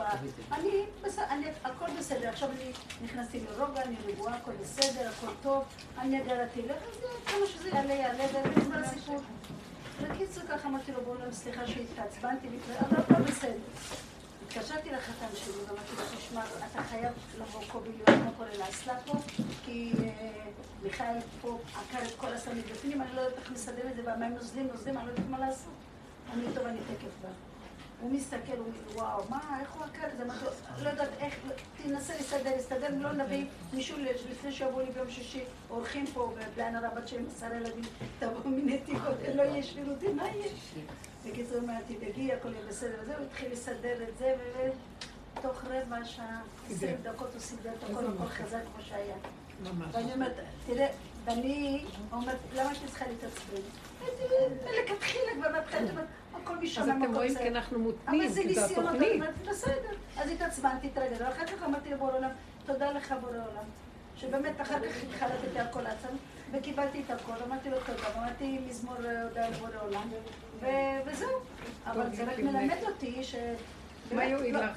מה יועיל? אני לא צריכה. וזאתי שיושבת לידי, כל הבוקר אני מתקשרת אליה, והיא לא עונה לי, ואני צריכה אותה, ואני כל הזמן דנה, אני גם לא אחזיר לה שואלת, אבל לרגע, רגע, רגע, תרגעי. קו זכות, איפה קו זכות? יכול להיות שהיא לא יכולה לענות. כי אנחנו כבר בתרבות מותנית. בסוף אני... אנחנו לא עושים את זה בכוונה, אבל בסוף, הרבנית, בסוף, אתה יודע מה? אמרתי, דנתי אותה לקו זכות, ואני נרגעתי, הכל בסדר, הכל טוב. אני מרימה לה את הטלפון, תגידי לי כל הבוקר. אומרת לי, אני בעבודה, אני הלכתי לעבודה, אני בגן. תקשיבי רגע, אני לא להתעצבן ולא מיד להוציא את זה. את צדיקה. כמה שנים אני עובדת עליך שאת צריכה להיות. לא עוזר לי. מה זה את אומרת לי? אני אלמד עליה זכות. זה התיקון. תלמדו זכות. אני חייבת לתשמעי. לא. לא. לא ללמד זכות. תסתכלי פנימה ותגידי.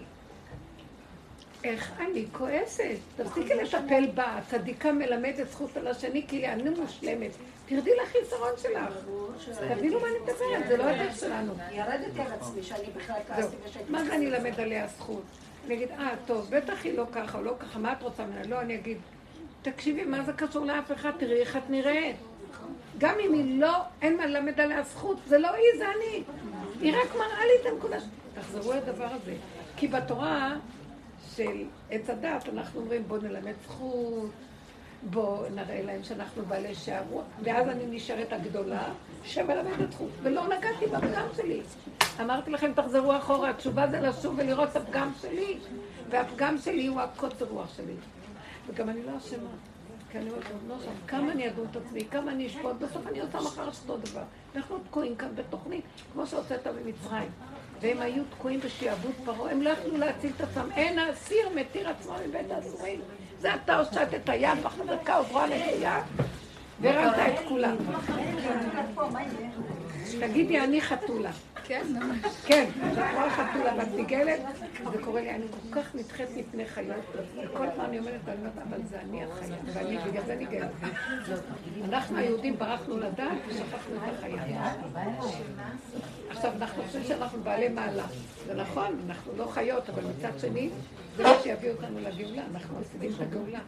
כי, איך אמר רב אושר, שאני פחות מכלב מת.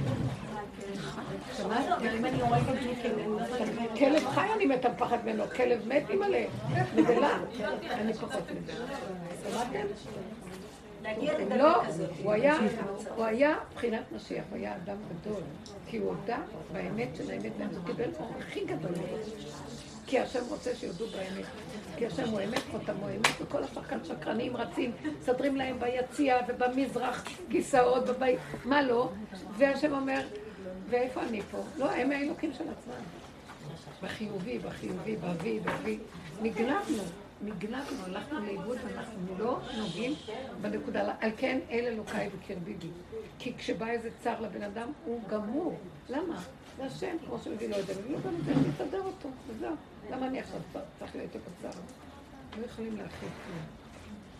כי התפיסה שלנו גונבת אותנו. כן.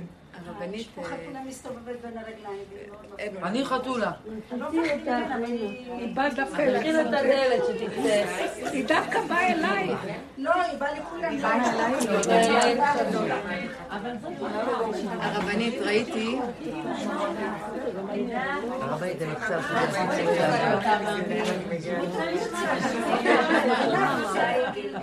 שהייתה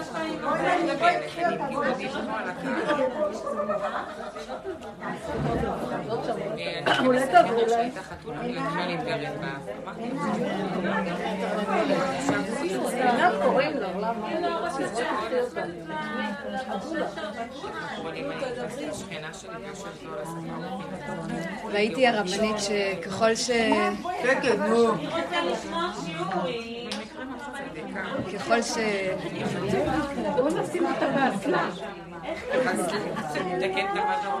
ככל ששחררנו את הילדים, אז נהיה שלום. וביום שבת ככה... ביום שבת קראתי אלון של רבי נחמן.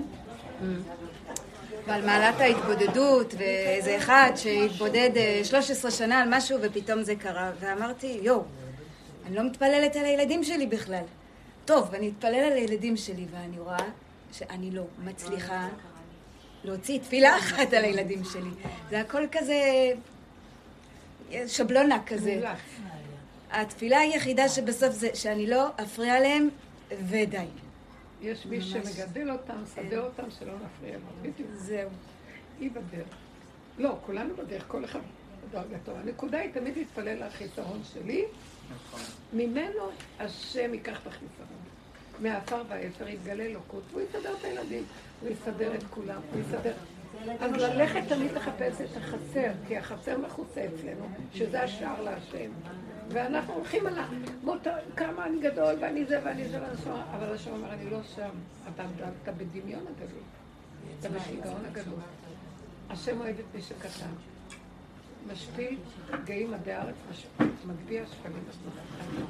הגאולה תלויה בקטנות האדם. כי גדלות האדם זה כל הדמיון של עץ הדת, והיינו צריכים גם להיות שם כדי למצות את השקר ולמצות את העונש. אכלתם מעץ הדת, חושבים שאתם אלוקים? קדימה, לכו תהיו כמו אלוקים, בואו נראה אתכם. אנחנו עד הסוף. לא האדם החסר הזה עוד רוצה להיות אלוקי. רבנית, את חתולה. אני חתולה. אם אני לא אתן לה תשומת לב, היא תלך. אם אני מושכת אותה, אז היא... נכון. טוב, אז אה, כבר אה, מגזימה, לא?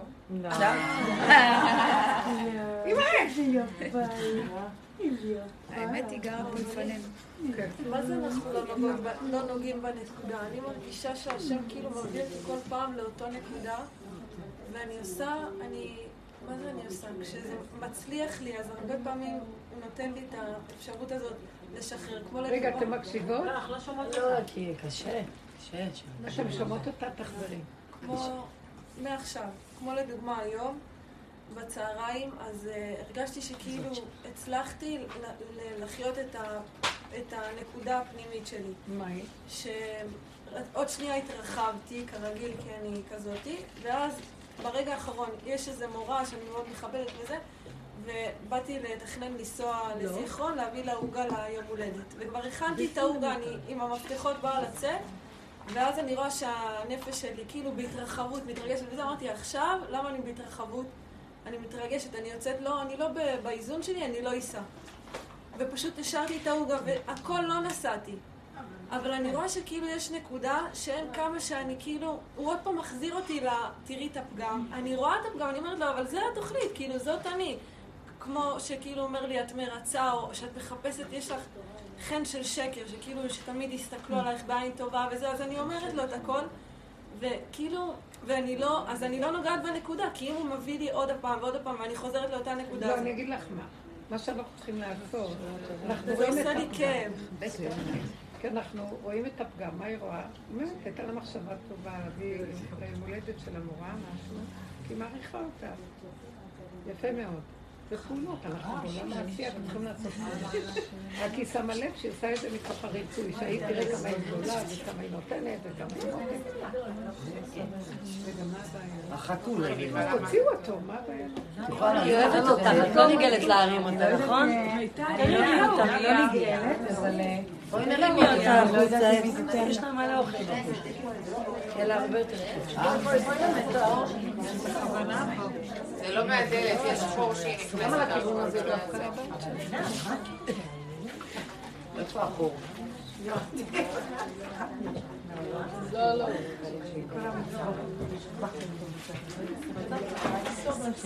כיס, כיס, כיס, כיס. לא, זה פה החתולה, מה אתם רוצים שם?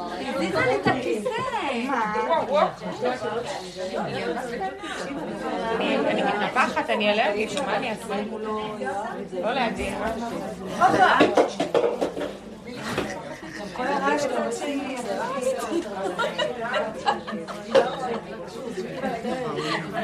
תוביל אותה. מישהו פותח שם את הדלת בינתיים?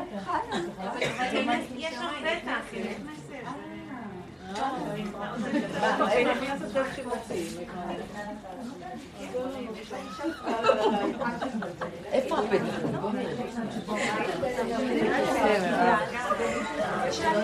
מה זה? קיבלה הרבה במה, החתולה. זה לא. האמת, חתול יותר טוב מעכבר. חתולות,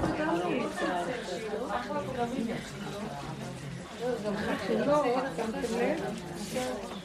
החתולות, הנחשים הכי מפחדים מהם. נכון, זה הדבר הכי... אני מאכילה אותם רק בגלל זה. יש לא טוב, כי הן גם חמודות, אבל אני לא נוגעת. הגיעו בחתולה שבתוך הנקודה של הנוקבה, הנוקבה נקבה, היא נגעה בנחש. היא הורגת אותה. אז הנחש הכי מפחד מהחתולה. כי היא מאוד קשורה לעצמה.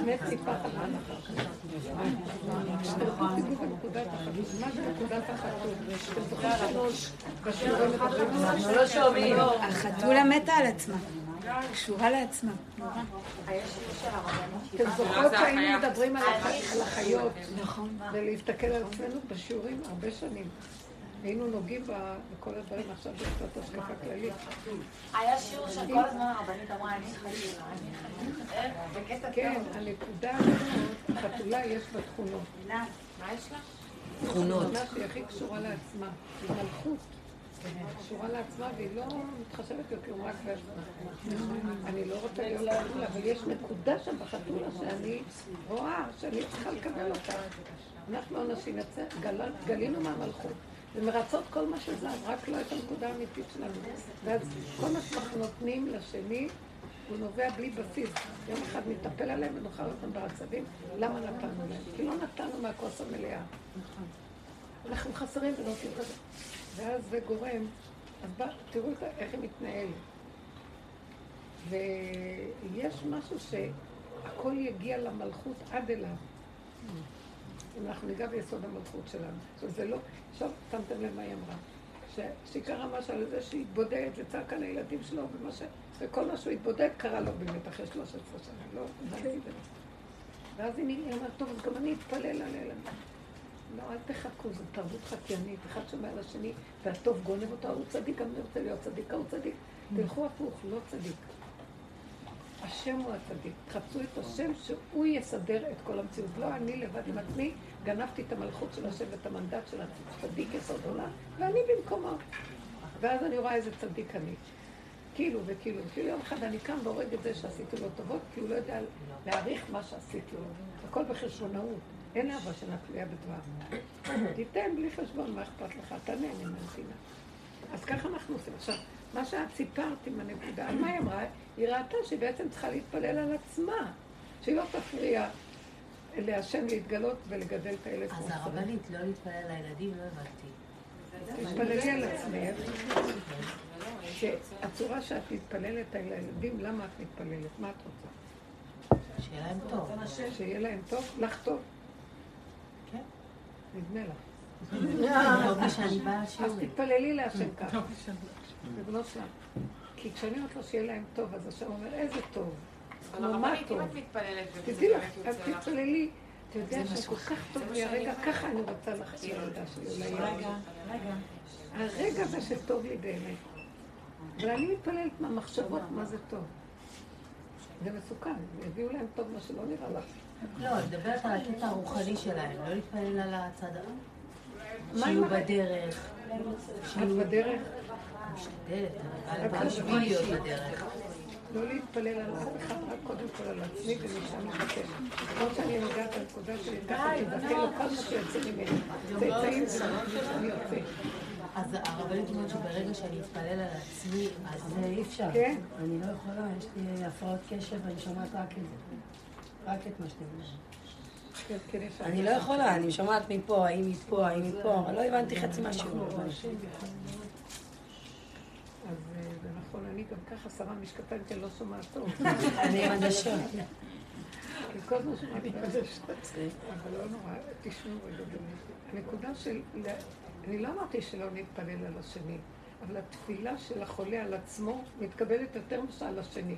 זה כתוב בגמרא. זאת אומרת שאנחנו צריכים להתפלל על הנקודה שלנו, שעכשיו בא לי איזה דאגה לילד. אני אומרת, מה את דואגת? את הנקודה שלך. הרמת? כי כשאת, הבסיס של הילד, הבסיס שלך לא נוגע, אז את, את כאילו מעופפת, מדברת תפילות של התעופפות. זה כל הגלות, גלינו מארצנו והתרחקנו מעל אדמתנו. וכל הגאולה זה לחזור לאדמה, להתיישב, להתנחם. לשבת במידות, בפשטות, בקיומיות. עכשיו, כשאני יושב שם, כל תפילה מתקבלת משם. זה בית המקדש. ואם את לא יכולה להתפלל הרבנית? את כבר לא יכולה, את רואה מציאות לא הגיונית, לא יכולה. אז לא. אבל כן באה עלייך הסיבה שאת... כאילו- דוגמה, דוגמה. מה? מופשט מדי. את יודעת הרבנית את הסיפור של הישיבה. אז היום, חצי שעה לפני סוף הזמן, הם פתאום אומרים שנה הבאה לא, וכל הציונים טובים, ההתנהגות הכל מצוין. זה לא, זה לא דבר, אני לא יכולה, לה- אני לא יכולה אפילו להתפלל על זה, זה לא נראה לי. אין לך כוח. אני אומרת להשם, לא- תסדר את זה אם אתה רוצה, אם לא. אל תסדר את זה. זה מירושלים? לא, אבל זה, זה, רק לפני יומיים אמרו, אתה נשאר. אז תתעקשי, בלי להתרגש. אני בכלל לא מתרגשת, אמרו לי תתקשרי, ואני אומרת להם אין לי כוח. אני אפילו לא רוצה להתקשר אז זה בלי לא. טוב, זה ייאוש. לא, זה לא ייאוש הרבנית, זה בא ממקום שכאילו, מה, למה? מה, לא למה שאני בואי שואלת את ניקח את השנה. הסיפור שלה, והסיפור שלך, ויש שם את אותה נקודה. מה הנקודה? זה- עלה לך נקודה. אני העליתי אבל להשם. אה? היא אומרת אין לה כוח, אין לה כוח לא עכשיו. היא העלתה להשם את הנקודה. רגע, לא על זה רציתי להבין. לא, כי זה לא לא עושה לי כלום. רגע, תני לה את האימא שלו? כן. יש איזו נקודה שאת יכולה להגיד, אני רק כמו ידיים ורגליים, מרים טלפון, מה קרה? ברגע שאת לא מתייאשת ואין דמויות ואין עולם, אז עשיתי. חכי, אני רוצה לחזור למקרה שלה ואז נקשר. היא אמרה שהיא ראתה שהיא מתרחבת והיא מפחדת מהסיפוקים של עצמה, אז היא לא תביא את העוגה. את ראית שאת מתרחבת, את זה את צריכה להגיד לה שמה בלרגע אחד הסתרת פניך, הייתי נבהל. פה זה החוק, מתרחבים. אבל העברתי לך את הנקודה שאני בסכנה. חוץ מזה העוגה מוכנה, ויש להם הולדת. לכי תני כמו גולם את העוגה. לא, לא רציתי לתת. בסדר, זה לא מה שהפריע לי. הפריע לי שעוד פעם מגיעה סיבה, ועוד פעם מגיעה סיבה. כי את לא גומרת אותה בזה שאת גומרת את הפעולה. אבל היה פעולות שהלכתי לגמור, כאילו היה סיטואציות שהלכתי לג- בלי רגש. גם את עשית פעולה בלי רגש. בלי רגש. היה פעולות שסיימתי את הפעולה, היה סיטואציות. פה לא הרגשתי לנכון לנסוע את זה, היה לי מה. הבעיה? שעוד פעם חזרתי, התרגשת? אז תגידי, ככה זה העולם. תעשי צחוק. כן, תעשי צחוק. גם לא גם משיח עובר עליו דברים. לא הוא צוחק. הוא עושה לי. כיפורים פורים. כי ככה זה פה וצחוקים, את נותנת ממשות. זה לא מצחיק אבל. אני לא מצחיק לא נגיע. למה זה לא מצחיק? את רוצה להיות מושלמת. כן, אז אני אומרת לו את זה זה. יצא. כן. אני יכולה לפתור את זה אבל? לא. ברגע- שאת מקבלת את זה, שאת לא יכולה... אני לא מצליחה לקבל את החיסרון הזה. את הפגם, שאת אומרת להשלים עם הפגם, זה לא מצליחה, לא, זה לא יותר. כואב. הפגם זה הטבע. אה, הפגם, אנחנו מילה, טבע זה משהו אחד, ופגם, טבע זה תכונה, בסדר? והפגם זה התכונה שעץ הדת יושב עליה. אם אנחנו נקים את עץ הדת, נשארת תכונה, אין טענה על התכונה. כי ככה שמוליד אותי, נכון? היא נקייה. מה אני בעצם עושה בעבודה? מנקה ומנפה את כל הערימות של הבלי, הבלים, הכל הבל, שיושב לי על ההתרגשויות, דמיונות, התייחסויות, כעס, רוגז, צער, כל אחד והנגש. יש כאן איזה צער, אני לא מגיעה לנקודה. את לא תגיעי בחיים לנקודה, כי אין נקודה. את רק צריכה להגיד, הפגם שלי זה שאני רוצה להביא את זה סוף סוף לאיזה מיצוי, שאני אגיע לנקודה. לא מגיעים לנקודה. המסקנה שלנו זה שאנחנו נעבוד, נעבוד, נעבוד, ולא נגיע. אז למה לעבוד? כי כשאנחנו עובדים ועובדים ועובדים, ההבלים מתנפים ונהיים עייפים, ואז נשארים כמו תינוק עם התכונה. זה המטרה. אי אפשר, ל... כי עץ הדת, אמר קהלת, מעוות לא יכול לתקון. אי אפשר לתקן פה כלום. זה יחזור עוד פעם, גלגל חוזר, חכו קצת. 40 שנה, ותשקוט הארץ 40 שנה, אחר משם מתחלק מלחמות. וזה, אז אחרי זה זה, זה, זה, אין שקט פה. אז אם כן, כשאני רואה את הפגם שלי, ואז אני אומרת, וואי, אני כל הזמן ארוץ לעשות דברים, אז אני ישר מתרגש מהבחוץ, וזה משפיע עליי, ואני מעלה לך את התכונה בכל. מה שאני ראיתי זה, שמה שזה גרם לי, שהתבוננתי הרבה, וגם אני, יש לי את הצד של חיבור ואנשים וזה, ראיתי שאני צריכה להצטמצם. שבא לך הרצון הזה ללכת להביא לעוגה, ואז את צריכה להגיד, אבל אני ארצה, נכון? או שאני אביא לעוגה, כי יש כאן משהו, אני מעריכה אותו, ויש לנו איזה מין חיבור פשוט קטן נחמד, אז אני אביא לה את העוגה. אבל יש לי משהו שמרצה בזה, אז שימי את הריצוי בצד, ותדעי שזה אף פעם, זה מעוות לא יוכל לתקון, ואז את העוגה אפשר לאכול היא בלילות. ניסתה לתקן את נכון? עצמה. אל תנסי לתקן את לא, זה. לא ניסיתי לתקן. ברגע הקשבתי שמתבוננים ומכירים את העובדה שזה לא יתוקן, אז מה, אני אלך, אני לא אעשה כלום לאף אחד? עכשיו, אני לא ארוץ להתנדב, זה מה שהיה פעם. אבל אם באה מחשבה והלך לי בקלות, וזה זמן שזה... אז אני אקח את זה, אם בדרך יבוא אריה ויאכל את העוגה, אכל את העוגה. אבל אני לא אחליט, אני לא אלך בגלל שאני רצה. פעם היינו עושים גם עבודות כאלה, אבל זה לא יעזור כלום, כי זה גלגל חוזר. ויש כאן מקום לעשות איזו הטבה. עכשיו, זה לא הטבה שבאה לי מהמוח. פתאום משהו נדלק לך מהנפש לשמח את אותה מורה. לא, זה בסדר. אני זה- לא הלכתי כי לא היה לי כוח, אז הקשבתי לזה שאין אני לי אגיד כוח. לך, לא, למה? אבל את הכנת, היה לך שמחה שהכנת? היה לי שמחה שהכנתי את העוגה. אז תשלחי את זה עם מישהו אחר. יכול להיות שאני אסע מחר, יכול להיות שאני אסע יפה היום. כן. אז היום לא, אז מחר, אבל לא להגיד לא. יש רגע אחד שאני הבנתי אותך, זאת אומרת, אני לא, כי אני לא רוצה לעשות את הפעולה מתוך הנקודה הזאת. כן. אז זה שני דברים שונים, יש עוגה ויש פעולה שעושים. אז אני צריכה להפסיק את הפעולה, לא את העוגה. עכשיו, אני לא יכולה להפסיק את הפעולה, אז אני אומרת, אבל כושי לא יחליף את אורו. אז עכשיו שהוא יודע שהאור שלו כושי, הוא מפסיק לרצות להיות לבן, נקודה, והולך להביא את העוגה. הבנת? תפרידי בין הרצון שלכם תוצאה וזה, לבין המציאות הפשוטה. המעשיות היא חשובה פה, צריך להכיל, לתת, לעשות, וזהו. כמה הכנתי לכם, אתם אין לכם הכרת הטוב. לא, תכיני כי כיף לך להכין, תני להם לאכול.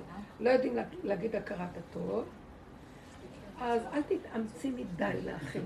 אבל תכיני במינימום שאת יכולה. שטוב לך עם מה שאת עושה.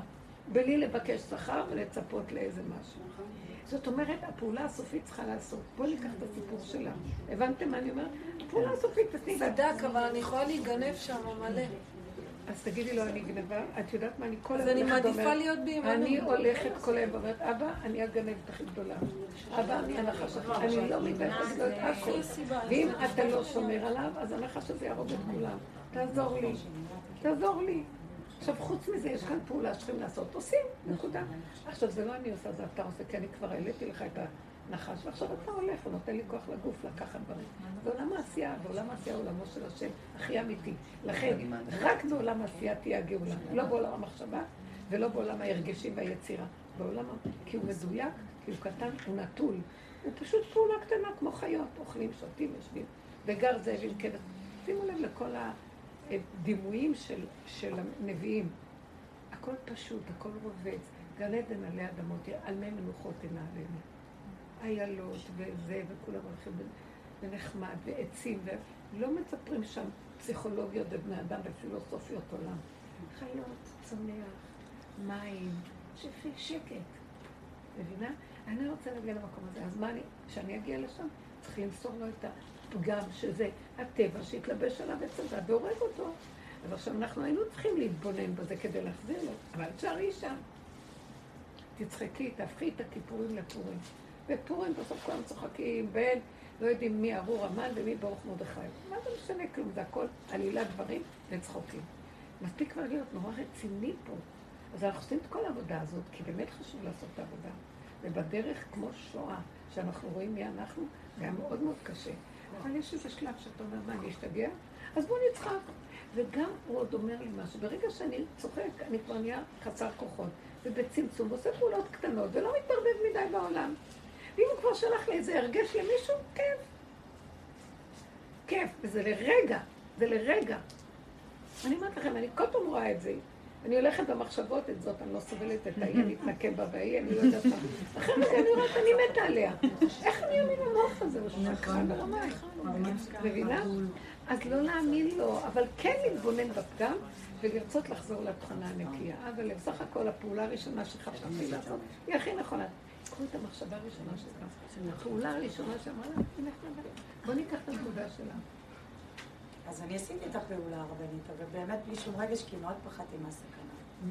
הייתי בסיפור הזה כבר, ואין תוצאה. אמרו, נחזור אליכם יותר מאוחר. את לא יכולה לעשות כלום? אז עשיתי עוד, התקשרתי לעוד מישהו. את יכולה להפנות מישהו אחר ולא את? אני הרבה פעמים ראיתי כשאני זה כבר מה לא שאני יכולה, עשיתי. אני מופיעה, מביאה איזה פראייר שיכול. והוא יעשה. נידבתי את בעלי, למרות-. למרות שהם כל הזמן אמרו, תתקשרי את. אמרתי, אני לא מתקשרת. הוא התקשר. הוא אומר, תתקשרי את, אני אומרת, אתה תתקשר. וזהו, לא יודעת. לא, אנשים לקחו. מדי מדי, אנחנו, ואנחנו בדברים מאחורינו מסתתרים. תעשי את זה, תתקשרי את. אבל יש לי שאלה.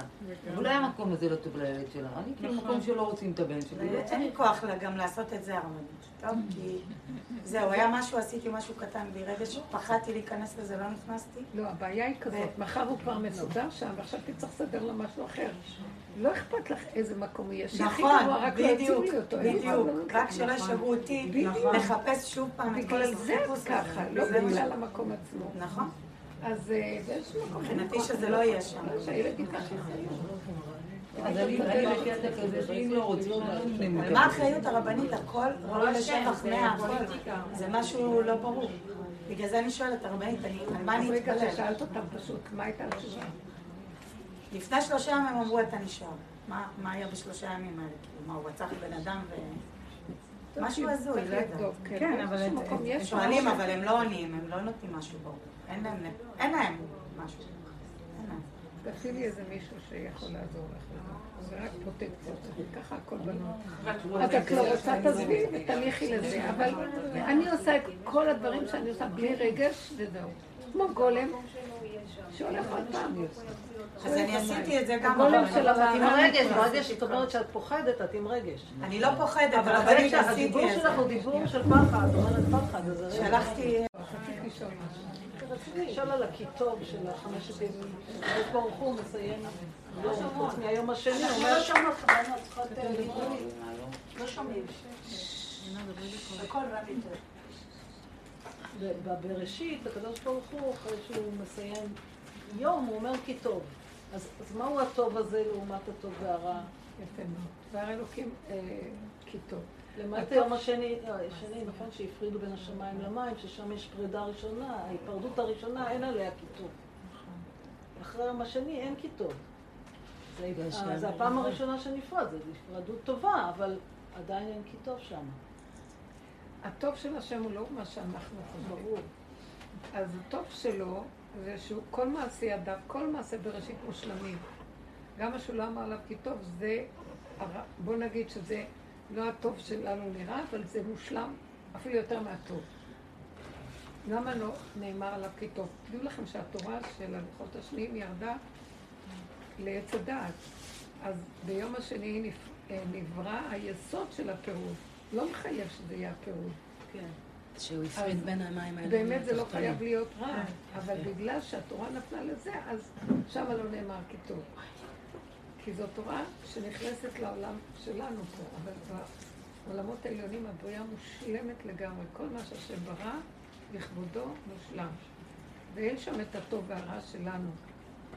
מפי העליון לא תצא הרעות והטוב. מה יתונן אדם חי? גבר על חטאיו. שיתונן בגלל שהוא חוטא, הוא מפספס. ואז הוא אומר, זה רע. ולא בגלל שזה רע באמת, בנתון היסודי. וכתוצאה מזה שהכוחות של הבריאה התקלקלו ומשתמשים בפירוד הזה, הם משתמשים בדואליות ליצור פירוד. אבל הדואלית היא לא רעה. הבריאה מלאה שינויים, וכל מה שברא השם, שלא, גם השינויים הם הכי יפים. לא, כשם שפרצופיהם שונים, אין פרצוף אחד דומה לשני. אפשר להבין את גדולתו. כמה פריטים יש בבריאה. מי שיכול לזהות מיליונים, ביליונים דברים. והכל זה הוא יתברך.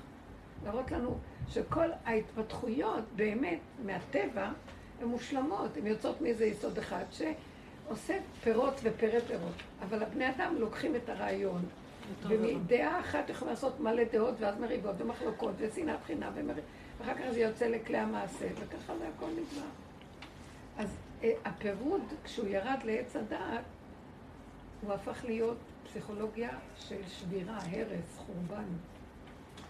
כאשר ביסוד שלו אין שום דבר של שבירה. השם ברא את הכל מושלם. הוא לא ברא רע בעולמו. הוא כן ברא את הבחירה, וברא פוטנציאל של רע. למה הוא ברא את הבחירה? כדי שאדם בעבודתו יצא מעץ הדת, שיבחר לצאת מהקלקול. עד שלא היה קלקול, לא הייתה בחירה. נהיה קלקול, אז אחרת אין בחירה, אתה נשאר או אתה יוצא. אז הבחירה שהשם יצר היא עץ הדת. בגלל זה בא עץ הדת לעולם. אבל הוא לא רצה שיאכלו מעץ הדת. הוא רק אמר, אתם רואים את העץ הדת? איך הוא אמר לו ככה? מכל עץ הגן, אכול תאכל. עץ הדעת טוב ורע, לא תאכלו ממנו, כי ביום אכלך ממנו, מות תמות. זאת אומרת, בוא נגיד, אז האדם שואל שאלה. כל העצים, אתה אומר לי, תאכל, על ידי אכילה אתה מתקן. למה שמת עץ כזה? איך יהיה התיקון שלו? אז מה התשובה? השם שם לי במחשבה. כתבתי את זה בעלון של פרשת זכור. התשובה היא כזאת, שעל ידי זה שאתה לא אוכל ממנו, אתה מתקן אותו. על ידי זה שאתה מתעלם ממנו, אתה מתקן אותו. זה כל העבודה שלנו. תתעלמו מהרגש, תתעלמו. אז איך זה מתחבר לסיפור? זה ככה הוא מתקן. ואז אדם, חווה, הוא פיתה את חווה להיכנס וכן להגשים אותו. זאת אומרת, השם ברא פוטנציאל של רע, כי הוא רצה בחירה. אז הוא לא ברא שאנחנו ניפול בתוך הרוע ונמות מכאבים. איך נצא מזה עכשיו, כמו שהיא אומרת? הוא אמר, לא, אני לא התכוונתי לזה. אני התכוונתי שאתם רואים ותבחרו לא להיכנס בזה, וזה תקנתו. מה שאומרים, אה, יש איזו מילה שאומרת ב, ב, ביהדות, אה, אה, אה, ההתעלמות ממנו היא תקנתו. יש איזה, ביטולו הוא קיומו. ביטולו הוא קיומו. תבטלו את המחשבה הזאת של רע. מה אדם נכנס באמת, אכל מעץ הדת, התגשם לו, ועכשיו הוא מגשם אותנו כל הזמן. תינוק בתוכנו, המיטות זה כמו תינוקות. המוח מסתכל עליהם, גמר עליהם. אמא יכולה להרוג גם את התינוק שלה מהצדים. אז זה מאוד מסוכן. אז, אז הוא רוצה להגיד לנו, אני לא בראתי את הרע, אני בראתי פוטנציאל ואתם הגשמתם את הפוטנציאל והוצאתם אותם מן הכוח לפועל, תאכלו אותו. זה החטא שלנו, שהגשמנו. עכשיו, אני רואה בן אדם, מרגיז אותי במחשבה שלי, ואני אומרת, וואי וואי. אני כבר באה. אני רואה בן אדם. שהוא יכול... ואז אני אומרת לעצמי, את מסוכנת, את הולכת להגשים את המחשבה שלך? הלך עלייך. התרגיל, לא, אפילו אני לא ארוג, אבל אני אשאר רועדת, יהיה לי רע. ואני אומרת, לא להגשים את המחשבה. התעלמתי מעץ הדעת. זה כל התיקון שלנו בעץ הדעת. לא להגשים! ימי בין המצרים, אה, אני לא רוצה להגשים אותם יותר! לא יכולה להם! אני אומרת, אז ימי בין המצרים זה מושג, אין לי כוח להפעיל לב. כי ברגע שאנחנו, ישר בוא נדמיין וזה, ואז מרגישים רע וחורבנות, וזה אמרתי, אני נגעתי בחורבן שלי, ואמרתי, אין תיקון לחורבן. ביטולו הוא קיומו. היא לא רוצה לתת לו ממשות, לא רוצה כלום, כי אני כבר אין לי מאיפה להוציא טיפת רגש. רווי, רווי, רווי, אני לא יכולה, לא יכולה. אז כמו שהיא אמרת, הילד שהולכים לזה, אין לי כבר כוח להכיל כמה היא נלחמה לילדים, כמה זה, וכל פעם מחדש יוצאים סיפורים. תגיעו לגבול שלכם, שערו בגבול, תגידו, אני גבולי, אוטיסט, הכי טוב. שמה הבנייה של בית המקדש. אנחנו נצא מהתודעה, מאליו הכל בנוי. הכל קיים כבר. רבנית, זה כמו חירש, כמו סוג של. איך? כמו חירש שלא שומע, כאילו... לא שומעים, לא רואים, לא יודעים. קופים, שלוש קופים זה טוב. אז הרבנית, היא יכולה לשבת במקום הזה ולא לעשות כלום אם היא הגיעה לנקודה הזאת? ואמרת, כל הפעולות שעשיתי, עשיתי, גם בלי רגש, גם בלי כלום. לא רוצה עכשיו לעשות שום פעולות. לא, אני רוצה לעשות, אני לא עם רגש. אבל אני... אל תגשימי את הרגש, תעשי פעולות. שאת זה לא שלא לא עושים פעולות. לא כשאת לא לתת למוח לספר. לי סיפור שמרגש לי את הרגש ומפעיל לי את הגוף. לא, אני עושה פעולות כמו גולם שעושה ונגמר. כן, זה עולם העשייה, עושים. אני לקחתי את הגוף, באתי מירושלים ושמתי פה. לא בא לי, אין לי כוח, הפסקתי עם זה. אני יושבת בכיסא של הרופא. יואו, מה יהיה לו? הגעת לפה, זה החלטת, נגעת בנקודה. לא לחשוב, לא להתרגש, לעשות. מחשבה ראשונה שבאה, כן, המחשבה מפעילה את האדם, אבל אחד, תהיה אתה, אתה, אתה, אתה, סיפורים. לא להאמין למוח ולא לסיפור שלו. שם ייבנה בית המקדש. לכו לשערים שירדו, טבעו בארץ שעריה, ירדו למטה, תלכו לשערים למטה. תרימו אותם. בית המקדש היו שם מלא ניסים. הניסים שהיו בבית המקדש, מאיפה הם נבעו? שהחומר, האבנים, הבניין, הכלים, לא היו מגוש... לא היו, לא היו דומם, הם היו חי. למה? לא היה להם פסיכולוגיה של מחשבה. דומם, כלי דומם. השם שורה עליו. אה, אפילו יסוד האש ירד מהשם. הכל היה. לא הבן אדם מפעיל את זה. אם הלכו במחשבה, אדם מקריב קורבן והוא מחשיב מחשבה לא טובה, הקורבן לא פסול. לא מחשבה שם, אין מחשבה. המחשבה בלשכת הגזית, אבל היא לא מחשבה של טבע, המחשבה שמקבלת מהאלוקות שיורדת על כלי המקדש הנקיים והריקים. הכוהנים היו ריקים. הכוהנים היו ריקים. האדם היה בא להקריב את הקורבן, הכהן היה רואה מה הפגם שלו והחטא שלו ונותן לו תשובה. הוא היה רואה. מאיפה? לא מהמוח המבולבל שלו. מזה שהוא ריק, לא יודע כלום. המקום אישרה אווירה של אין עץ הדת. זה מחנה שכינה, אין עץ הדת. מחנה לוויה הוא בין מחנה ישראל לבין מחנה שכינה. אז שם יש עוד כללים. שם צריך לטבול ולהיטהר ולעשות, מה, להיבדל מהעץ הדת כדי להיכנס, לש...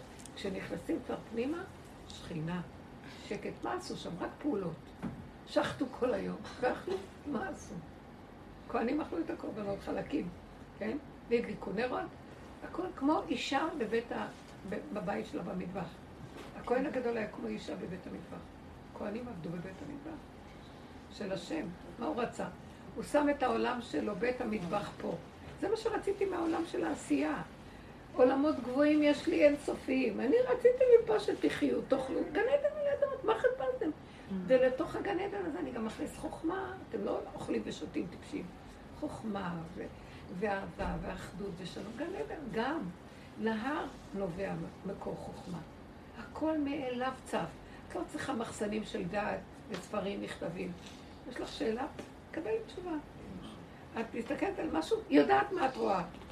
החושים מדברים. תקשיבו, איך אנחנו חיים. נמאס כבר לשאת את הספריות ואת הספרים. לא מזלזלת בזה, אבל זה גלות. ספרים זה הגלות. עכשיו, הגאולה זה לא זה, הגאולה זה חי בהם.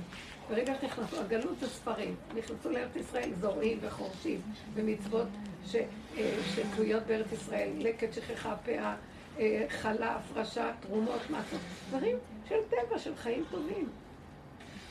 אז בעצם הרבנית, את אומרת שה... נגיד אנחנו, שאנחנו מבשלות ומתכוננות לשבת, אז בעצם אנחנו מקריבות, אנחנו מתקרבות להשם. ממש, אבל לא מבשלים מתוך איך הכהן היה עושה. פעולות, כאילו, הפעולות יצאו לו מהשרוול, זה לא היה מהכוחנות. אם אתם מזהות לחץ, כוחנות, וזה מתח, זה לא זה, תנו להשם להיכנס. אנחנו עשינו המון עבודות על זה.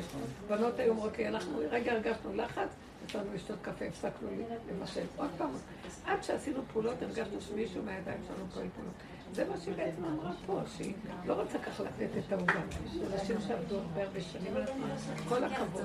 כל הכבוד, כל הכבוד לגאולה. אבל תנו לכם, זה, אלה כלים לגאולה, זה כלים לגאולה. ואנחנו מגיעים למקום, לא אכפת לנו הרבה דברים. יגיעו ימים אשר אין בהם חפץ. לא לי, לא. מה אני מתרגשת? זה יהיה טוב, לא יהיה טוב. העיקר שלי, חפץ היחידי זה שלווה, רגיעות. שמחת חיים. כמו ילד קטן, לא רוצה לשנוא, לא רוצה לכעוס, לא רוצה להתווכח, לא רוצה להתנצח. לא רוצה לא רוצה את המרורים שיש כאן בכלל. למה? החיים כאלה טובים, בריאה יפהפייה. זו התשובה הכי גדולה שאנחנו יכולים לתת לו, אבל אין עליך, אין על העולם. תנו לי, תחזירו לי את העולם שלו. העולם שלו, והוא ינהל לנו את זה.